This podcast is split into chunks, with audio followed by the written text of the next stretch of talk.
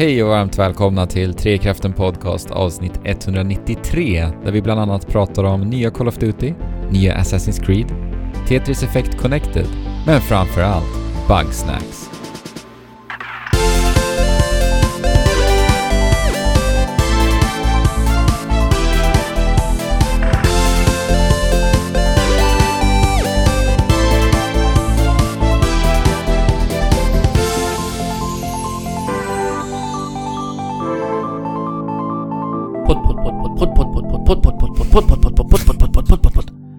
Ja. podd.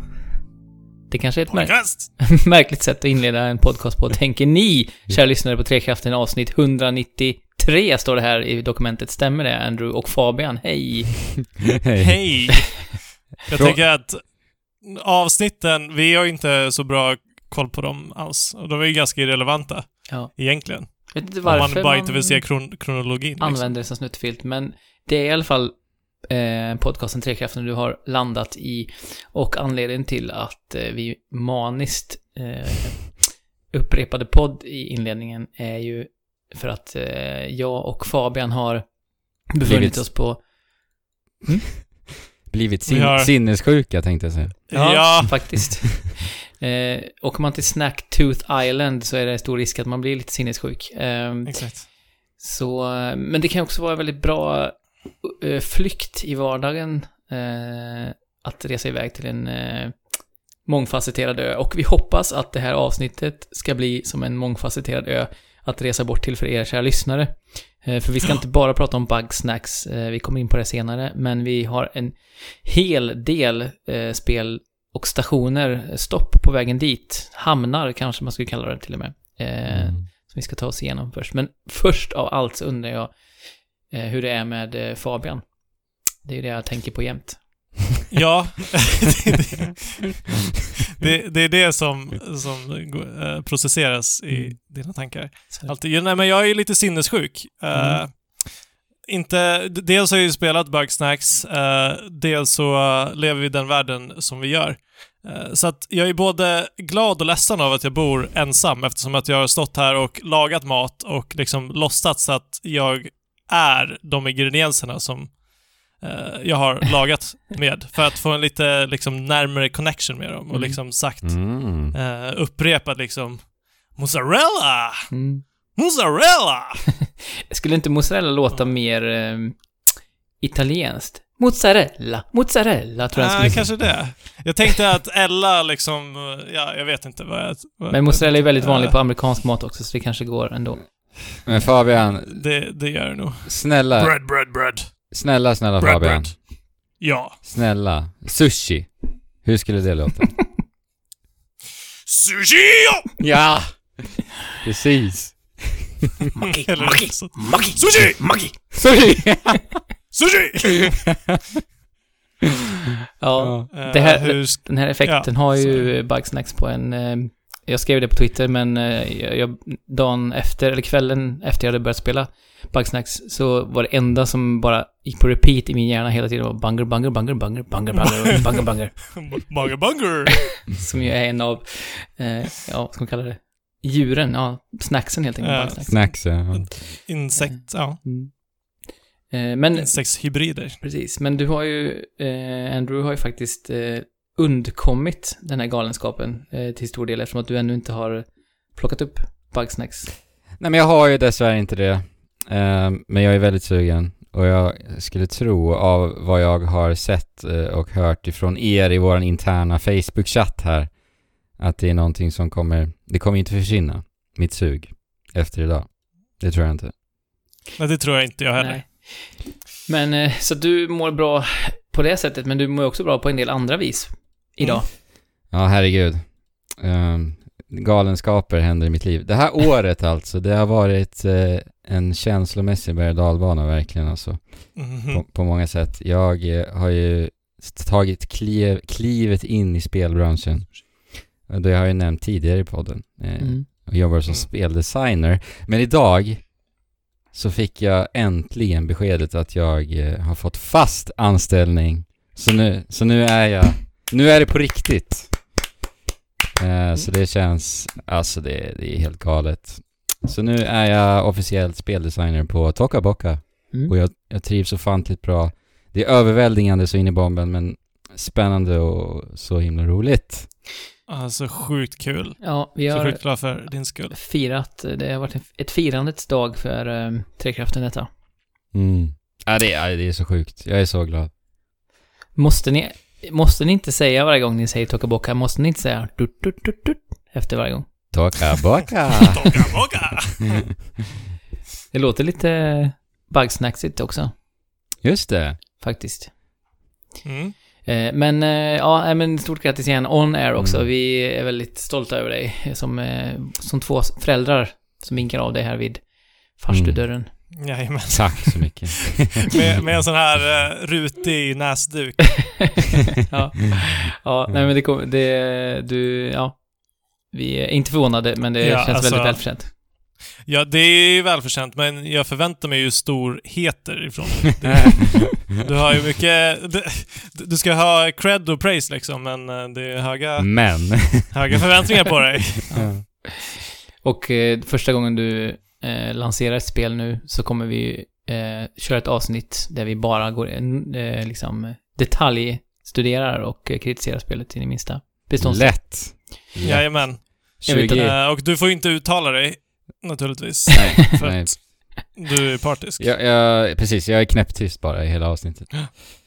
Nej, när vi pratar om det kanske. Vi hade ju, vi hade ju mm, liknande situation med Viktor Lejonhuvud som jag jobbade med i flera år.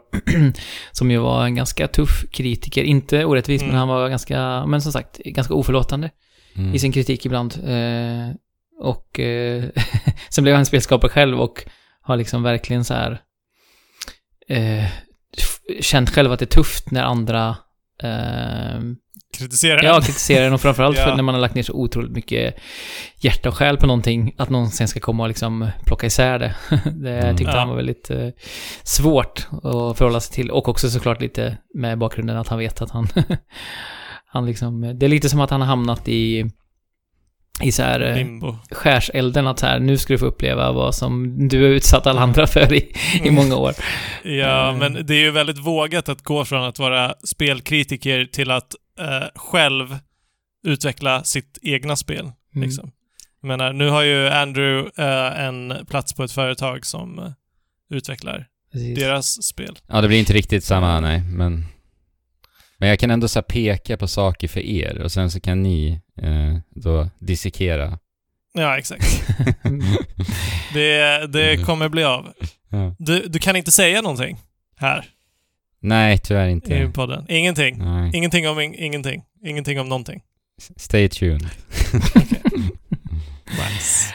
Ja, men eh, då är det så att vi eh, rör oss från eh, en av, en av appvärldens mysigaste platser eh, till en av spelvärldens kanske minst mysiga platser.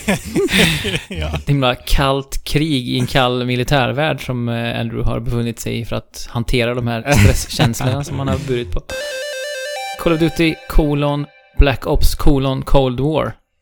Är Ja, exakt. Kodbokv. Ja. Nej, men kod- alltså... Kodblops den enda förkortning som faktiskt har funkat eh, riktigt bra. Ja, när det, precis. När det hette bara Black Ops, ja.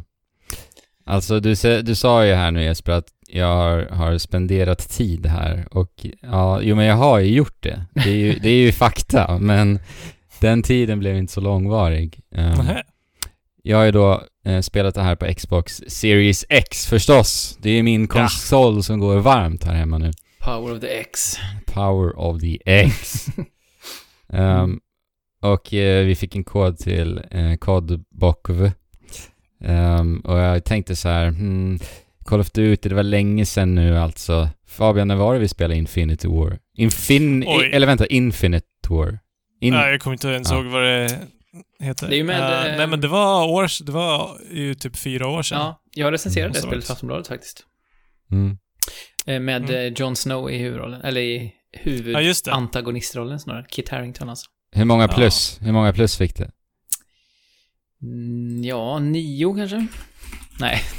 eh, eh, jag, ska, jag, jag kollar live här. Eh, jag tror att det var... Jag tror att vi fick fyra faktiskt. Ja.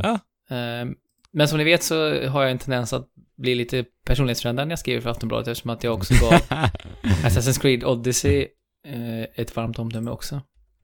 ja. Ja. Eh, Några plus. Nej. precis. Några plus var det i alla fall. Eh, Black Ops 4, det är, det är inte samma sak va? Nej, nej, nej. Det var, Nej. det var nyss va? Tror jag. Ja, för jag har recenserat två Call of Duty-spel Ja. tydligen. ja, ja. Men eh, hur som helst. Ja. Jag laddar hem detta spel, ligger på 130 plus gig. alltså va? Det Ja. får ju typ inte ens plats på Series S än. Nej. Tredjedel av... eh. En, eller halva Series S än. Nej, det är faktiskt helt galet. Jag tror, nej.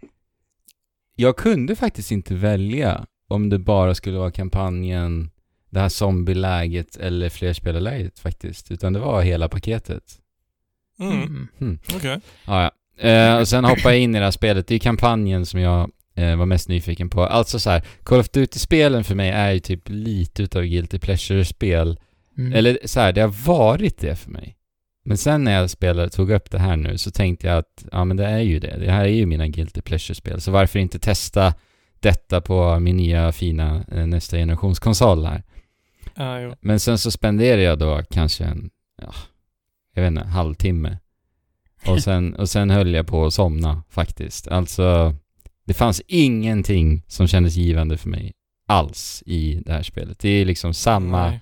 samma, samma, samma, samma. Och jag känner att jag har inte så mycket mer än det att säga om spelet faktiskt. Jag, jag har spenderat så himla lite tid i det. Och jag kände bara direkt att, nej. Och du kommer liksom inte ens testa att fortsätta för att... Det är avinstallerat. Uh, okej. Alright. Värda 130 gigabytes ja. nedladdningstid. Tur att vi inte har datacaps i Sverige. ja, ja. precis. Alltså jag, jag känner ju bara att, alltså, Co- COD är vad COD är. Det, är- det är Ja. ju set piece, amerikansk shooter action liksom. Ja. Eh, eller Hollywood action. Som, och det, det, det är ju vissa som, som, som du som har det, eh, som tycker det är nice. Men det är ju precis vad det är. Ja, Men du har alltså, inte provat någon multiplayer alls då? Nej, jag har inte det. Och jag är inte intresserad av det riktigt faktiskt heller. Så. Men, eh, ja. Alltså jag förstår ju som, Men- som du säger Fabian, jag fattar att de här spelen är populära och jag menar, det är ju spektakulärt, överbombastiskt, det är ju Ja, det är extremt indragande liksom så. Eh, och, och riktigt snyggt spel alltså. Eh, spelet startar i en bar i Amsterdam. Som är mm. helt löjligt detaljerad. Och det var en, alltså jag stannade kvar och, och bara blängde på I detaljer. 30 minuter. Ja, men det var väl en, en kvart utav de där 30 minuterna. Lätt. eh, fantastiskt snygg i ljussättning och så vidare. Eh, så att det är ju jätte, jättesnyggt verkligen. Och det rullar ju på, som alltid med Call of Duty förstås. Jätte, jättefint. Ja. Men, och de känns ju bra att spela. Det är ju det som är saken också med Call of Duty-spelarna. Eh, de är otroligt responsiva och känns väldigt, väldigt bra. Men! Ja. Det, är- det är bara sömn alltså. Det är bara så, Men- sova, sova för mig. Speldesignen är ju super inrutad och eh, gjord för att man absolut inte ska kunna Ja. missa vad man ska göra och sådana saker. Det ska ju vara så mainstream kammat så som det bara går. Och det där är en perfekt segway till nästa spel som Mm. jag har okej. spelat. Och det är ju då Assassin's Creed Valhalla. Oj! Mm. Eh, Ja. Jag vill bara säga att eh, Call of Duty Modern Warfare, Infinite Warfare heter det, fick 4 plus av mig. Så båda två Call of Duty-spel jag har recenserat på Aftonbladet har fått 4 plus. Mm. Bara lite sämre än Ja. eh, Breath of the Wild ord, som fick 5 plus. Bara lite. Precis. eh, ja, Assassin's Creed Valhalla har jag också känt på lite. Och egentligen samma visa här. Jag fattar, jag förstår varför folk, folk tycker om de här spelarna. Men det är bara inte för mig och jag somnar bara. Det är liksom så inrutad som du säger Jesper. Speldesign, det bjuder liksom inte på, på någonting eh, av värde för mig. Nej men det är väl just speciellt i, de, speciellt i Call of Duty eh, och Assassin's Creed-fallen så är det saker som är gjorda för länge sedan. Det bringar väldigt lite nytt till Mm. Mm. bordet. Och då är det nästan som att om du har spelat ett spel tidigare eh, i den genren, eller i den serien, så har du i princip spelat Ja. det nya spelet Precis. också. Om det är spel, liksom, core-spelet som du är ute efter. Åtminstone. Sen är det ju lite, såklart, nya stories och så. Ja, Och sak... det kan ju vara en stor anledning till varför setting och story och liksom att uh, insupa sig i en annan värld kan ju naturligtvis vara en stor anledning. Ja, komma långt med Till det. spela. Absolut. Eh, men saken är att jag tycker att det är så lätt att hitta, hitta högre kvalitet på annat håll i spelvärlden. Och då känner jag bara att det här är inte värt min tid. Mm. Jag, jag behöver bara titta 10 centimeter till vänster för att hitta någonting annat som är mer värt min tid. alltså, Speciellt när du har Game Pass. precis. Eller? Ja, ja faktiskt. Ja. Där, där kan jag titta kanske till och med en halv centimeter. nej, nej men alltså jag, jag blir bara Ja. onödigt eh, negativ när jag pratar om eh, Assassin's Creed känner jag. Eh, Det är snö, mycket snöiga miljöer. Det är ju någonting som jag verkligen gillar annars, i både i spel och i verkligheten. mm. Hur är, är det inte tilltalande rent eh, inramningsmässigt med det här vikinga Men det känns bara så, presentationen känns bara så, så platt, som jag alltid egentligen tycker att Assassin's Creed-spelen gör. Eh, Mm. Det finns ingen riktig själ där. Eh, och jag menar också så här hur, hur karaktärer pratar med varandra, animationsarbete. Jag förstår att det är ett stort och otroligt ambitiöst spel. Men det märks ju var, var krutet har lagts och det ger ändå en helhetskänsla som bara känns... Alltså presentationen är inte där helt enkelt. Eh, och det känns inte som att det är en värld jag vill spendera tid i. Speciellt som sagt när jag kan hitta sådana världar i, i övrigt i spelvärlden. Speciellt när Cyberpunk 2077, Ja. heter det 77? Ja men det blir nästan löjligt för mig att jämföra dem, de två. Så ja, Ja, vi får ju se. jo jo men på förhand. Ja. Eh, Ja. och eh, striderna kändes så här saknar känsla helt och hållet eh, och var väldigt rudimentära. Mycket button mashing. Eh, Jag ska sluta prata om Assassin's Creed Valhalla. Ja. Jag kommer inte fortsätta spela det här spelet. Det är inte för mig. Helt enkelt. Eh, och så här, bara tanken på att spendera 60 timmar här. Jag blir typ... det är en mardröm alltså. Ja, men jag känner ju att jag är lite så här, alltså speciellt eh, med settingen, alltså det är ju coolt med vikingar. Och man blir lite, lite så här, ja men tänk om det är bra. Mm. Tänk, tänk, tänk om de har kommit dit liksom. Nej men det är ju Eh. säkert bra. Det är ju det som är grejen. Jag tror att det ändå är ett, ett solitt spel. Men som sagt, den kvaliteten som jag ändå eftersträvar i en sån här, i ett sånt här åtagande av ett spel, Ja. Den finns inte där. Men det går ju nästan inte, alltså om man ska ha den kvantiteten som de har i de här spelen.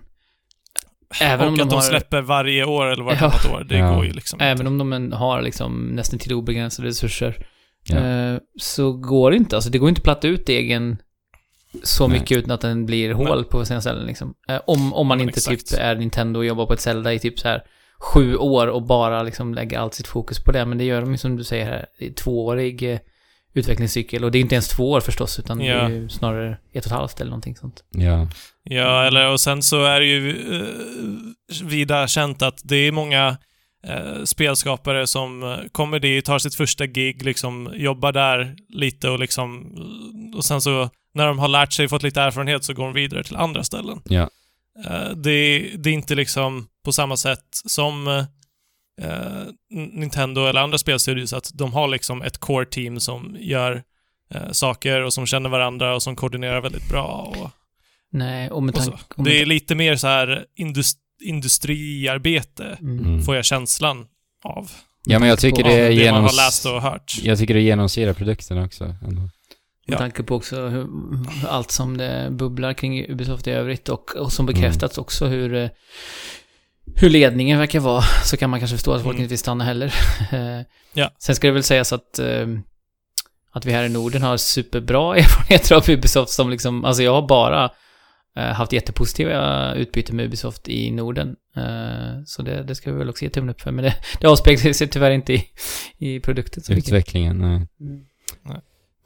Men, Ja. mm, men ska vi, jag tänker så här, om vi ändå ska prata om Call of Duty och ehm, eh, Assassin's Creed, då kan vi lika gärna prata om Fifa på en gång också. Så, har, vi liksom, eh, så har vi som liksom tre snubbar som älskar eh, AAA-spel över allt annat bara få vältra oss i AAA. Eh, om man kommer in här som ny första gången lyssnar på podden så, så tänker man väl att, att det är ungefär så det ser ut. Ja, i och för sig. Pratar bara om sådana här spel. Vi Men, eh, älskar de årliga AAA. ja. Men eh, ja, eh, Fifa har jag ju spelat i alla, alla utgåvor. Sen starten. Jag har ju spelat alla Pro Evolution Soccer och alla NHL-utgåvor också. För att det bara är så liksom. En del av min årliga rotation ändå. Så att, men i alla fall, Fifa 21 eh, fick jag möjlighet att testa. Eh, och eh, jag eh, brukar vara ganska eh, målsnål spelare när jag spelar fotbollsspel. För jag spelar ganska... Jag tycker om att spela kontrollerat och spela försvarsspel och så. Eh, hellre än att liksom... Många som spelar, framförallt Fifa, i, i viss mån också PS, brukar ju kanske spela typ så här 4-2-4 eller något. Alltså så här orimligt offensivt balanserat. För att, ja, men det är det som är kul liksom, att anfalla. Men jag brukar spela, spela mycket, lite mer försiktigt och kontrollerat. Eh, Alltså, för, jag, för mig som typ aldrig har spelat ett Fifa-spel, Mm. eh, du kan sätta olika, olika positioner på dina spelare för Ja. att spela mer defensivt eh, eller mer offensivt. Okej, så varför skulle du inte vilja göra mål? Det är väl hela... Spelsidé. Jo, men det, det... Nu blir det fotbollstaktik här, men, men du kan ju... Du kan, du kan ju det Roberto Carlos eh, sa en gång så här att det... En, vänsterback från Brasilien, han sa typ att det är ju som en filt liksom. Du kan, antingen kan du dra upp den över... Upp till hakan liksom, men då blir dina fötter eh, kalla. Eller så drar du ner den till fötterna, men då blir liksom överdelen av kroppen kall.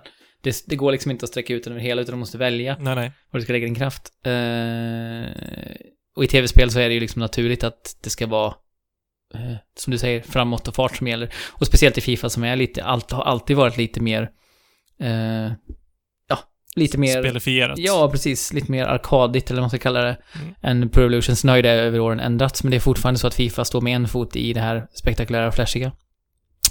Ja, men i alla fall. Eh, först, min första online-match eh, så vann jag med 8-5. Ooh. Eh, Mm. och eh, för er- E-sports nästa. ja, för, er som, nej, men för er som gillar eh, fotboll eh, så vet ni liksom att 8-5, det händer inte över typ så här P7-nivå. Alltså där, där slutar de typen av resultat. 8-5 har aldrig någonsin blivit i typ Allsvenskan eller Premier League eller någonting sånt.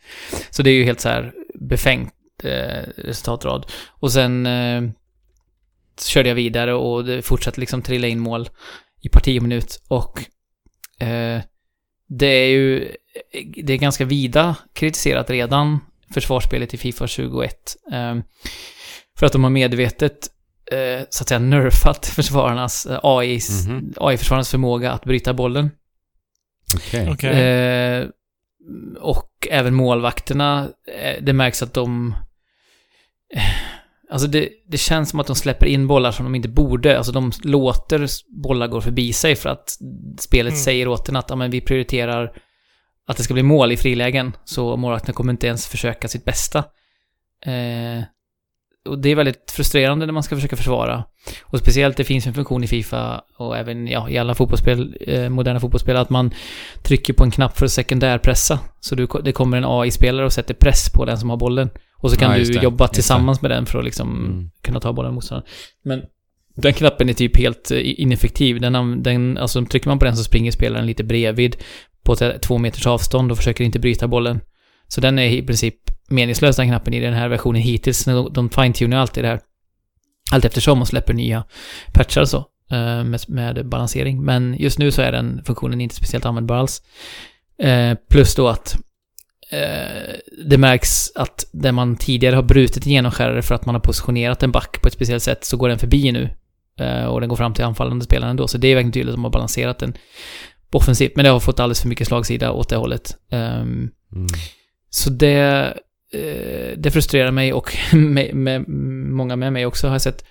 Men, och, men så ska man titta på andra saker vad gäller Fifa så är ju presentationen, det är alltid dess styrka liksom. Eh, Det är ju jättesnyggt paketerat och det här har ju hela den här eh, Premier League, moderna fotbollen, feelingen över sig liksom. Väldigt slickt allting. Men de har också fördjupat sig rätt mycket, för det har alltid varit min kritik gentemot Fifa och därför jag alltid har föredragit Pro Evolution-serien är för att i Pro Evolution så har det alltid funnits ett större taktiskt djup och man kan fixa mycket med, små detaljer Mhm. som gör att eh, ja, men jag ändrar lite detaljer i min taktik och det får utslag synligt på planen. Medan Fifa har känt lite som att, ja men ta era, din snabbaste eh, kille och bara, eller tjej, eh, och bara löp. Och det har varit liksom det som har varit mest effektivt alltid. Men nu, de senaste åren, och jag känner också i det här spelet eh, specifikt, så finns det väldigt mycket man kan göra med små, små inställningar som jag tycker faktiskt gör en skillnad för balansen och för eh, ens matchplan. Um, så det, det måste jag ändå ge en stor tumme upp för. Uh, och som sagt, det här har varit en utveckling under många år, men jag tycker att det har nått någon slags kulmen, eller det är liksom en ny nivå nu som inte har funnits förut. Um, så det, det... Så, så du har kul med Fifa 21 alltså? Det går i vågor liksom. Eh, Det, det är kul när sagt man får till ett spel, man känner att ah, men det, här, det är så här West Ham brukar spela, jag får till det här spelet, det känns realistiskt.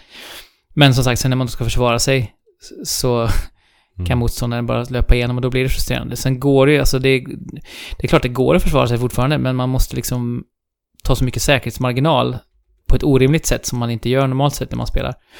Och det frustrerar att man hela tiden måste tänka att ja, men den här spelaren kommer nog kanske inte bryta bollen så jag måste också täcka upp dubbelt här bakom. Det blir liksom inget naturligt flow i försvarsspelet. Men Jesper, kan, kan du säga så här, nu när du ändå har spenderat tid med Fifa 21, vilket är det bästa Fifa-spelet, skulle du säga? Nej. Eller, eller är allting bara en gegga när du tänker Ja, tillbaka? lite, men, men eh, om man säger... ehm, Om man säger de...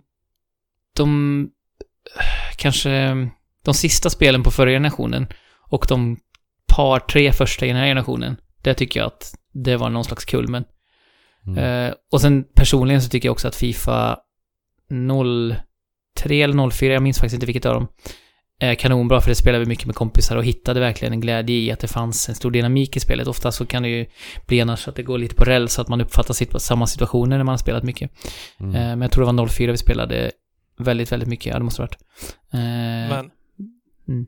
men, men det som skiljer de här spelen åt i alla olika iterationer, är det ofta bara sådana här små tweaks då, eller? Ja, plus att i fallet Fifa så har de ju också sin single player-upplevelse, eh, The Journey. ja, eh, den, men jag- den har fortsatt ända sedan Ja, Sen försöker- 2016? Ja det kanske är så, något sånt. Det är nog fjärde, femte gången. Men, ja, men annars så skulle det inte gå att, äh, att, att, att rättfärdiga att släppa nya spel varje år, seriöst. Ja, Alltså men- för att de här tweaksen kunde de göra i en uppdatering. Ja, men det är det som är intressant. eh, Och vi diskuterat just det här i öppna världar också i avsnittet som släpptes här nu eh, förra veckan. Eh, Mm. Men eh, Pro Evolution gör ju det nu det här året. De har ju bara en säsongsuppdatering med trupperna och minimalt Mhm. lite grann i motorn liksom. Men jag gör i princip ingenting. Men det är också lite speciellt för att de ska gå över till Unreal nästa år. Eh, Okej. Mm. och det är ju Konami liksom. Så Mm. de gör väl liksom Ja, okej. minsta möjliga ansträngning på många vis. Men eh, nu blir nästa, nästa spel verkligen någonting stort förhoppningsvis. Så att, men det är absolut värt att, att ta upp som en diskussion att det skulle egentligen bara ligga och betala en säsongsavgift på kanske typ så här jag vet inte, 200 eller någonting kanske skulle vara rimligt. Ja, eller och så hur? skulle man Mm. bara få liksom uppdaterade trupper. Och sen kanske, säg var tredje år skulle, ja men nu kommer det nya liksom eh, eh, skelettet till spelet. Nu får ni hoppa till en ny liksom eh, plattform. Men... Eh, mm. Visst. Jag har inte spelat Journey någonting i det här. Jag har inte heller... eh, Jag har bara spelat eh, online än så länge. Det går också att spela... Eh, vad heter det? Ultimate Team i Co-op. Ultimate Team är ju det här kort, kort när man Ja, låser upp just det. booster Ja. Eh, som de tjänar multum på. ja. Mm. Eh, och det går att spela ihop nu. Och det tänkte jag ska testa med Nisse för att han tycker ju det är jättehäftigt att få upp de här paketen och se. Eh, och det, det boostar också, det är en kul grej med Fifa-spelen överlag och f- Ultimate Team. Att de får så mycket kunskap om både nu, tidiga spelare, men det innefattar ju också såna här Legends Packs med gamla spelare. Eh, så de får en förståelse för, ja just det, ja men Pelé, han var jättebra, eller Zidane, alltså de får liksom Mm. en, en Mm, historielektion också. Det tycker jag är kul. Mm. Ja, Det är mer värde. Men Om- så, om att eh, jag tror de kommer be behöva och jag tror de kommer slipa på den defensiva balansen. Eh, men i övrigt så är det så här, ja men det är lite så här, det är lite kod, det är lite Assassin's Creed. Man, man vet vad man får, det är väl slipat och eh, man kommer kunna ha kul med det om man liksom är i det mindsetet. Ehm, så jag tycker det går in, alltså så här, man kan nästan sammanfatta alla de här tre spelen på samma sätt. Ehm, som så här, Ja. eh, lite så här, eh, vad säger man, väl, välvispat. Alltså så här, inga, inga klumpar liksom. Utan det bara, det funkar. Och Mm. är, man, är man på humör för det så kommer man ha ut mycket av det. Och är man lite Exakt. mer svår och lite mer kräsen så kommer man kunna också hitta So- en massa... Somna. Ja, och hitta en Ja. massa fel liksom. Så Ja. det, det, det är ganska, ganska förutsägbart på gott och ont. Men Jag tänkte på, eh, i EA Play är ju Mm. en del utav Xbox Game Pass Ultimate Mm. nu ju. Precis. Mhm. Och när du pratar om Fifa Jesper, så blir jag Mm. ändå eh, sugen alltså på att spela det här med dig framförallt. Och jag vet ju Mm. att du... Hmm, nu blev det så här, ska jag, kan jag säga det Oj. här i podcasten Nej, nu? det kan du inte. För att Nu om du- om du lyssnar på det här med, med Nisse, Jesper. Eller din familj. Det här känns ju inte bra att spoila eh, en av årets största Händelser. händelser. Eller ett av kanske decenniets största händelser. För. Ja Jesper, du får hålla för öronen eh, för Nisse nu då. Om, ni, om ni lyssnar tillsammans här. Men du har ju skaffat en Xbox Series X. Ja, som ligger hos Aron, eh, min eh, kollega i Öppna Världar, och i, på, i hans eh, hem i Stockholm. Mm. Eh, för att jag har tänkt att eh, jag fick, ha- han fick tag i en extra och jag högg på den direkt och han var vänlig nog att hämta ut den åt mig. Och så, eh, så har jag tidigt bestämt mig för att det ska bli en julklapp.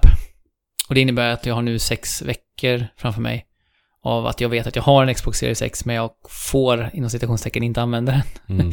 Lite plågsamt. Så- det är bra att den inte är hemma hos mig för att det hade varit Ja, eller hur? Ja, fy. Det är som mig nu när jag sitter och blänger på Demon Souls till PS5 här hemma. Mm. Eh, Men eh, i alla fall då.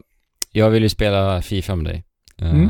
Via Game Pass. För då kan vi ju ladda ner något Fifa-spel genom EA Play då. Men det kanske inte Precis. blir Fifa 21 tänker jag, så vi får väl, jag får väl eh, sålla med dig där. Vilket ska vi spela av alla som finns? För det verkar vara en hel del alltså. Ja, det är väl en fyra, fem år tillbaka tror jag i alla fall minst. Mm. Alltså jag tycker att Fifa är fantastiskt roligt. Eh, framförallt att spela, Spela en, en mot Spela en, tills- alltså Ja. precis. P- PVP mot någon man känner, det, då är det som bäst tycker jag. det är så Eh. kul alltså.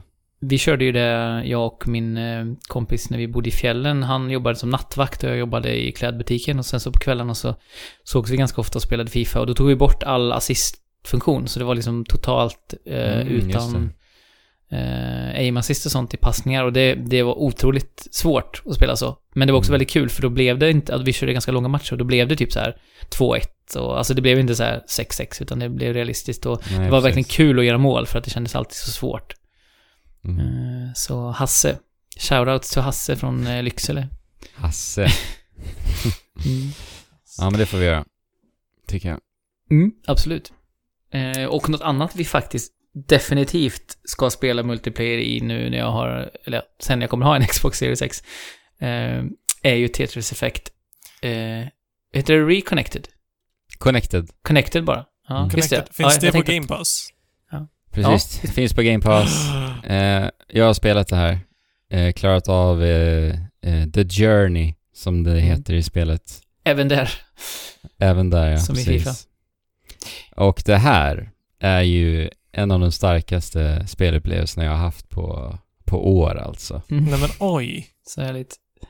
Jesper, du har ju pratat om det här spelet i Trekraften. Det var väl två år sedan nu va? Mm. Det måste det vara va? Ja, det är det nog. Ja, det lär är ha varit. Precis, jag, jag, jag känner lite, det kanske är bara jag som har gått och tänkt så hela tiden på det, men jag känner lite att jag har tjatat min omgivning sönder samman på hur bra och coolt Tetris Effect är. Mm. Eh, och jag spelade ju på PSVR då. Eh, Precis. Jag har ju spelat på, på min TV helt enkelt. mm. Och jag vet inte om jag har, har gjort det eller om jag bara som sagt gått och tänkt själv att så här, åh vad bra det är. Men jag har väl sagt det ett par Ja. gånger i alla fall, tror jag. Ja men det tycker ja, jag. Alltså, du har ju sagt det tillräckligt mycket för att jag ska veta att jag vill spela det, bara det att det inte har, har varit Mm. aktuellt att spela det. Men därför blir jag så glad att få uppleva det här nu. Och, och att det funkar på samma sätt utan VR. Att du får samma, Mm. just det här känslomässiga upplevelsen som du har beskrivit Mm. lite till oss eh, i, i Ja chatt. men verkligen, alltså det var, det var oväntat eh, emotionellt alltså. Och det, det som är saken med Tetris effekt överlag då, både VR-spelet och Connected, är ju att eh, Det är Tetris, du spelar Tetris, men det unika och kärnan med just effektspelarna är ju just vad, vad egentligen titeln säger, alltså effects. Mm. Och det är helt enkelt att det du spelar i Tetris eh, gör att musiken och effekterna reagerar på hur du spelar. Och också Mhm. utvecklas medan du spelar. Mm. Så att det blir som att, att eh, eh, dina interaktioner bygger ett spektakel som liksom sker, eh, både, eller helt audiovisuellt helt enkelt. Och det, det är alltså- tillsammans, det, det är så storslaget känslomässigt och det, det, man bara svävar iväg och nästan så här blir hypnotiserad på något vis att, Ja. att spela det här. Och det, allt det som jag säger skapade en upplevelse som jag, eh, som är så unik alltså. Som jag, jag vet inte Ja. om jag- kan så här peka på någon, någon annan upplevelse som har gett mig samma typ av, av känsla. Nej. Nej, för det är ju som sagt, eh, i, mång, i, i mångt och mycket så är det ju helt utan story, eller helt utan liksom Ja, karaktärer oh, ja. som, Det, som det gör det. Men samtidigt eh, så finns det ju en berättelse där som är Ja, liksom... men känslomässig menar Ja, liksom. resa verkligen. Ja. De kallar det för journey. Men, och, och på många sätt kan man ju tycka så här när man, när man hör och ser kring Tetris Effect så kan man tycka så här att det är lite, ehm, inte vulgärt, men det är lite så här eh, på näsan eller du vet så här connected och så här. Alltså man kan känna att det är lite Pretentiöst. pretentiöst, exakt. Ja. Men, men jag upplever inte, alltså när man spelar så Nej. blir det bara det här genuina att så här, ja. det känns verkligen mänskligt och eh, rakt in i liksom ens eh, system. Får jag säga- Får jag säga, alltså, får jag säga sp- spirituellt? Ja, men faktiskt. faktiskt. Alltså, det här är ett spel som måste spelas. ja, ja. Det, Eh. det är ett måste. Det här, eh, som sagt, det är en av de starkaste spelupplevelserna jag har haft och mest unika på flera år alltså. Ja, men, Och då är det inte så sagt i VR, för att det, det här släpptes först till PSVR, Ja. var det så? mm. Exakt. Eh, Och finns och, det, kan, går det att spela till Oculus Quest? Ja, 2? det finns det i Quest. Ja. Och jag kan ju tänka mig i VR måste det vara eh, sinnessprängande alltså. Men det är ju också häftigt på TVn, framförallt min TV, OLED och ni, Mm. eh, för hela spelet är, har ju lite så här galaxtema. Så att eh, det är mycket extremt starka kontraster. Ja, exakt. Mm. Och med partikeleffekter som flyger och typ formar olika skepnader och så vidare. Och det är så Mm. flippade effekter verkligen. Eh, Det låter ju som att om du gillar Tetris så är det här ett måste. Oh ja. Det jag gillar Tetris. totalt Nästan- måste. Det låter som ett måste. nästan även om du inte gillar Tetris. Ja. Ja. Eh, ja men så här, nu finns det på Game Pass. Och att få den här upplevelsen som jag beskriver, det räcker att bara spela spelet i ja, 20 10-20 minuter. Du kommer få en jäkla, en jäkla resa bara av det. Ja, och det, det är som du sa, det börjar liksom avskalat på varje bana. Med att det är liksom bara ett enstaka ljud, ensamt lite ekande. Mm. Och så beroende på temat då, antingen Alltså. är det ett elektroniskt ljud eller så är det ett liksom eh, eh, industriellt ljud eller så är det ett naturljud, alltså det är någonting sånt. Och sen så som sagt när du har clearat ett antal lines så läggs det till kanske ett trumbit eller någonting eller och så läggs det till en, det är ju som att lägga, som jobba i en musikeditor egentligen, lägga till olika spår som läggs till Mm. hela tiden och sen och om du håller igång linesen och om du sätter, sätter Tetris och så, så blir ju också eh, allting mycket mer intensivt. Mm. Eh, tem Mm. tempo och även liksom intensitet i ljud och ljus eh, förstärks i och med att du eh, spelar bra. Mm. Det Eh. låter för bra alltså. Och det, Ja. det är lite ett spel som måste upplevas alltså också. Ja. För att, ja det låter skithäftigt men play it. Och sen eh, nu i, i Connected så är det ju inte bara att det är en, eh, en ny version av spelet som släpptes till PSVR, utan det är också så att de har lagt till ett multiplayer-läge som inte har funnits förut. Eh, Mm. Mm. det är flera nya lägen, men ett av dem, det mest intressanta tycker jag väl är det här Connected-läget då. Ja, eh, där man precis. kör eh, mot AI helt enkelt, med Exakt. i co-op. Det är tre personer kooperativt mot en AI-spelare. Okej. Och det är det här Jesper du sa inledningsvis här. Att det är ju det här vi måste spela tillsammans. Mm. För, för när man kommer in i en viss, eh, man, har, man har samlat ihop en viss mätare tror jag det är va? Eh, så eh, suddas gränserna mellan ens eh, planer ut och så, blir, så är man en enda stor Tetris-plan istället. Exakt. Där man spelar tillsammans. What? Och man tar turordning, så att först lägger Fabian, sen lägger jag, sen lägger Andrew, sen blir Fabian Mm. Och så kör man så. Plus att man kan typ, det finns en mekanik som gör att man kan, om någon lägger en bit fel så kan man typ så här eh, sudda ut den. Eller alltså det finns ett sätt som man kan liksom eh, eh, rätta till varandras misstag.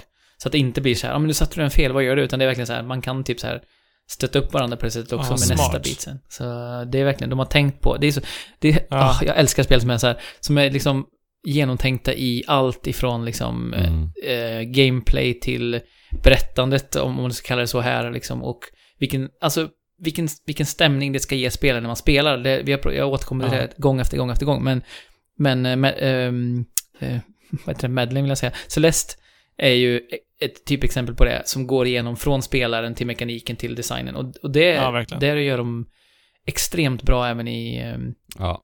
i Tetris Effect. Nej, Jag håller helt och hållet med allt du säger alltså. Eh, Nej men, då spelar vi ju det här. Ja men det är givet. Typ. Det här, åh, vilket spel alltså. Jag har spelat lite varenda dag, ända sedan jag sparkade igång det första gången där. Och jag menar, så- ah, Tetris, det är så bra. Jag får lite pirr i magen. Och det var ju som du sa där, Andrew, eller skrev att det, det är ju ett huvudtema då som jag har som min PS4-tema förut också. Men Mm. där då, det är en tjej, jag kommer inte ihåg vad hon heter nu, men eh, hon sjunger i alla fall We're All Connected och sådär. Och då, det låter ju som sagt som såhär, åh vad cheesy det är. Men när hon gör det så blir man bara så här. Alltså r- ryser i hela kroppen och ja, jag kan verkligen inte nog trycka på hur, hur oväntat det är att en hands som gör det här kan liksom göra Tetris till en så här Nej, alltså jag, känslomässig upplevelse. jag fattar inte. Jag Nej. fattar inte. Det är så Eh. imponerande verkligen. Men det är samma sak med Res, alltså Res Infinite som jag spelade från de som var spelet de släppte innan på PSVR. Det är ett gammalt spel som de har liksom gjort om för VR. Men det var samma sak där. Mm. Man flyger i en himla 90-tals-feeling i, in i en så här, hackar en dator typ. Mm. Och det är också ganska så här, ja men, som sagt, så här, slutet på 90-tals cheesy i vad, vad det är man gör och så. Och estetik. Men ja. ändå där kände jag också så här, totalt uppslukad, satt i två och en halv timme och bara nästan liksom skakade efter man var klar med upplevelsen. Så. Ja, shit. Jag måste ju nästan Mm. spela det alltså. Ja. Det känns som ett måste. Men Eh, är det, inte, är det inte lite så här att du, eftersom att Tetris är ett spel som du väldigt lätt kommer in i ett flow i och Ja. liksom äh, hittar fokuset väldigt lätt i. Och när de då lägger till den här ytterligare dimensionen så blir du extra exakt. mm, supern i den. Jo men verkligen. Och det, Det- och det är ju ja. det flowet som är så lätt att uppnå i Tetris ändå. Eh, Mm. Kombinationen med det flowet och allt vad vi har sagt med det audiovisuella. Det, det blir en så snabb, vad säger man, genväg till den här upplevelsen så att säga. Mm. Och det finns ju några svårare Coolt. banor och passager, men generellt sett så skulle jag ändå säga att, att det är en väldigt så här behaglig, meditativ, avslappnande upplevelse. upplevelse. Ja, är det, är, är det någon tid och någon period där man behöver, vi var inne på det förut i inledningen här, behöver ett spel där man bara kan så här, okej Ja. nu, nu pallar jag inte liksom eh, ta mer stressintryck eller negativa intryck från omvärlden. Alltså jag kan inte tänka mig nästan någon bättre aktivitet Nej, överhuvudtaget än att nej. spela Tetris Effect Connected. Nej. Nej men du blir verkligen masserad iväg någon annanstans. Mm. Verkligen. När du spelar Tetris Effect. Så känner ni er nötta i kanten av världen så äh, definitivt om, ni har tillgång till, till äh, Game Pass som sagt. Game Pass. Mm. Ehm, jag städade, hade städdag här hemma i söndags. Och då satte jag också eh, igång Tetris Effect soundtracket när Mhm. jag städade. För det är ju jättebra musik alltså också. Mm.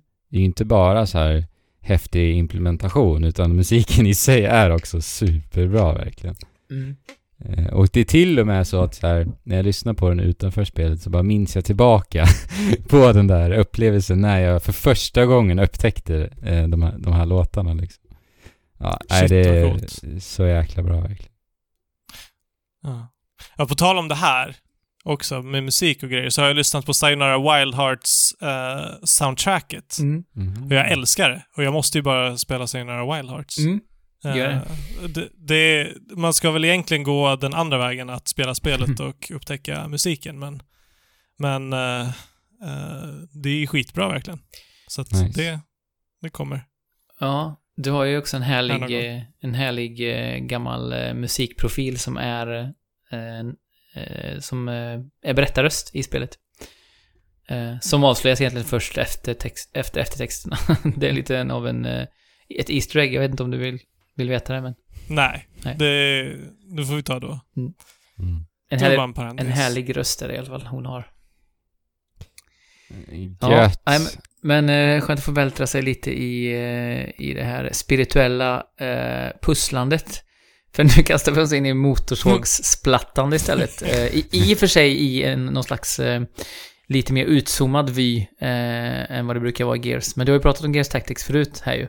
Eh, Ja, precis. Och du har fortsatt spela det. Ja, som sagt, jag kände mig väldigt eh, motiverad att fortsätta. Det nämnde jag ju sist. Och det har jag gjort. Mm. Och jag har klarat av spelet. Eh, och jag hade jättekul ända hela vägen in i kaklet alltså. Eh, bossarna framförallt är riktigt, riktigt mäktiga eh, faktiskt. Och hur de så här kryddar till och förändrar mekanikerna och så vidare i bossarna kändes så här väldigt spännande och kul. Eh, men med det sagt så är det lite repetitivt och det- den, det var väl egentligen den farhågan jag hade eh, senast jag pratade om det. Att de, eh, de vågar inte riktigt, eh, ja, det, det finns ingen variation alltså i eh, uppdragsdesignen. Eh, och det, det känns som ett så här återkommande problem det här tycker jag i eh, turordningsbaserade strategispel. Eh, vilket det här är då i Gears of War-universumet. Ja. Ehm, att man, man utforskar inte det alltså. Eh, jag minns när vi pratade om eh, Mario, Mario plus Rabbids, Kingdom Battles. Så Mm. var det en, en kritik jag hade till det spelet också. Även XCOM faktiskt.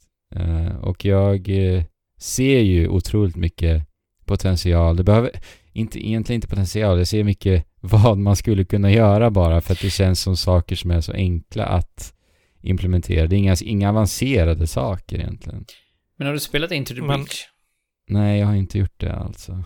För där tycker jag ju absolut inte att det blir repeti- repetitivt. Och det beror ju mycket på eh, både fiendevariation men också att man har så många olika trupper som man själv, alltså du spelar ju bara tre i taget men du kan låsa upp och spela med massa olika teams som har liksom, någon Mm. har så här Mm. elektronisk piska och någon har typ så här rocket launcher. Alltså det är så otroligt olika, både inom teamen och mellan de olika teamen. Eh, Och så är det så bite-sized också. mm. Ja, Eh, exakt. så- Jo, för jag märkte ju i Gears Tactics att jag eh, landade ju lite i ett sätt att spela eh, varenda, eh, ute på varenda uppdrag egentligen. Mm. Och sen så förlitade jag mig på, lite på den, den taktiken. Eh, så kanske lite delvis mitt fel, men å andra sidan, eh, det är väl där som sagt uppdragsdesignen inte riktigt eh, gör det jobbet det skulle kunna göra. Att tvinga mig att hitta andra sätt att spela och så vidare.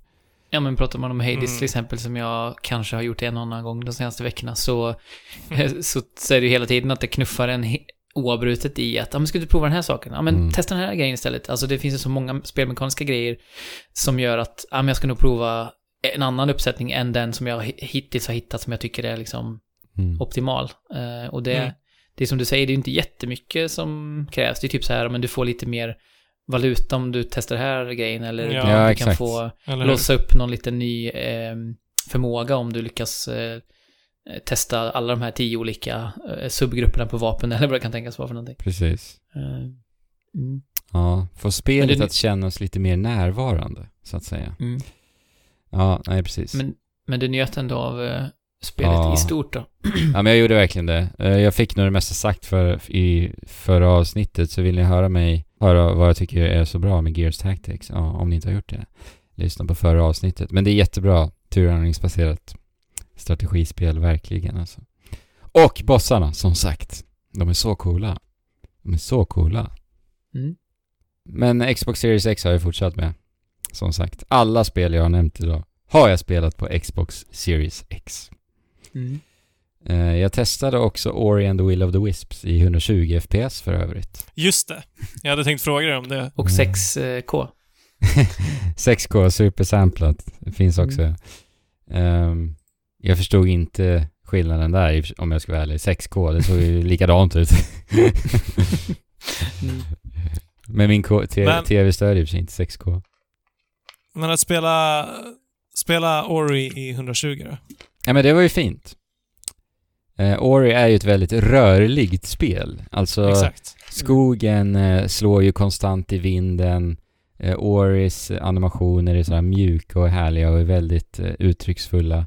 Så att det ser ju fantastiskt läckert ut förstås. I 100... Men du ser verkligen en skillnad den här gången, för vi har ju tryckt lite på att så här, Mm. det är inte så eh, märkbar skillnad Nej, men saken är ju nu att du kan ändra den här inställningen i menyn bara. Eh, Mm. Så att det gick ju väldigt fort att så här skifta mellan de här två lägena. Så att det var ändå lätt att eh, enkelt se skillnaden då.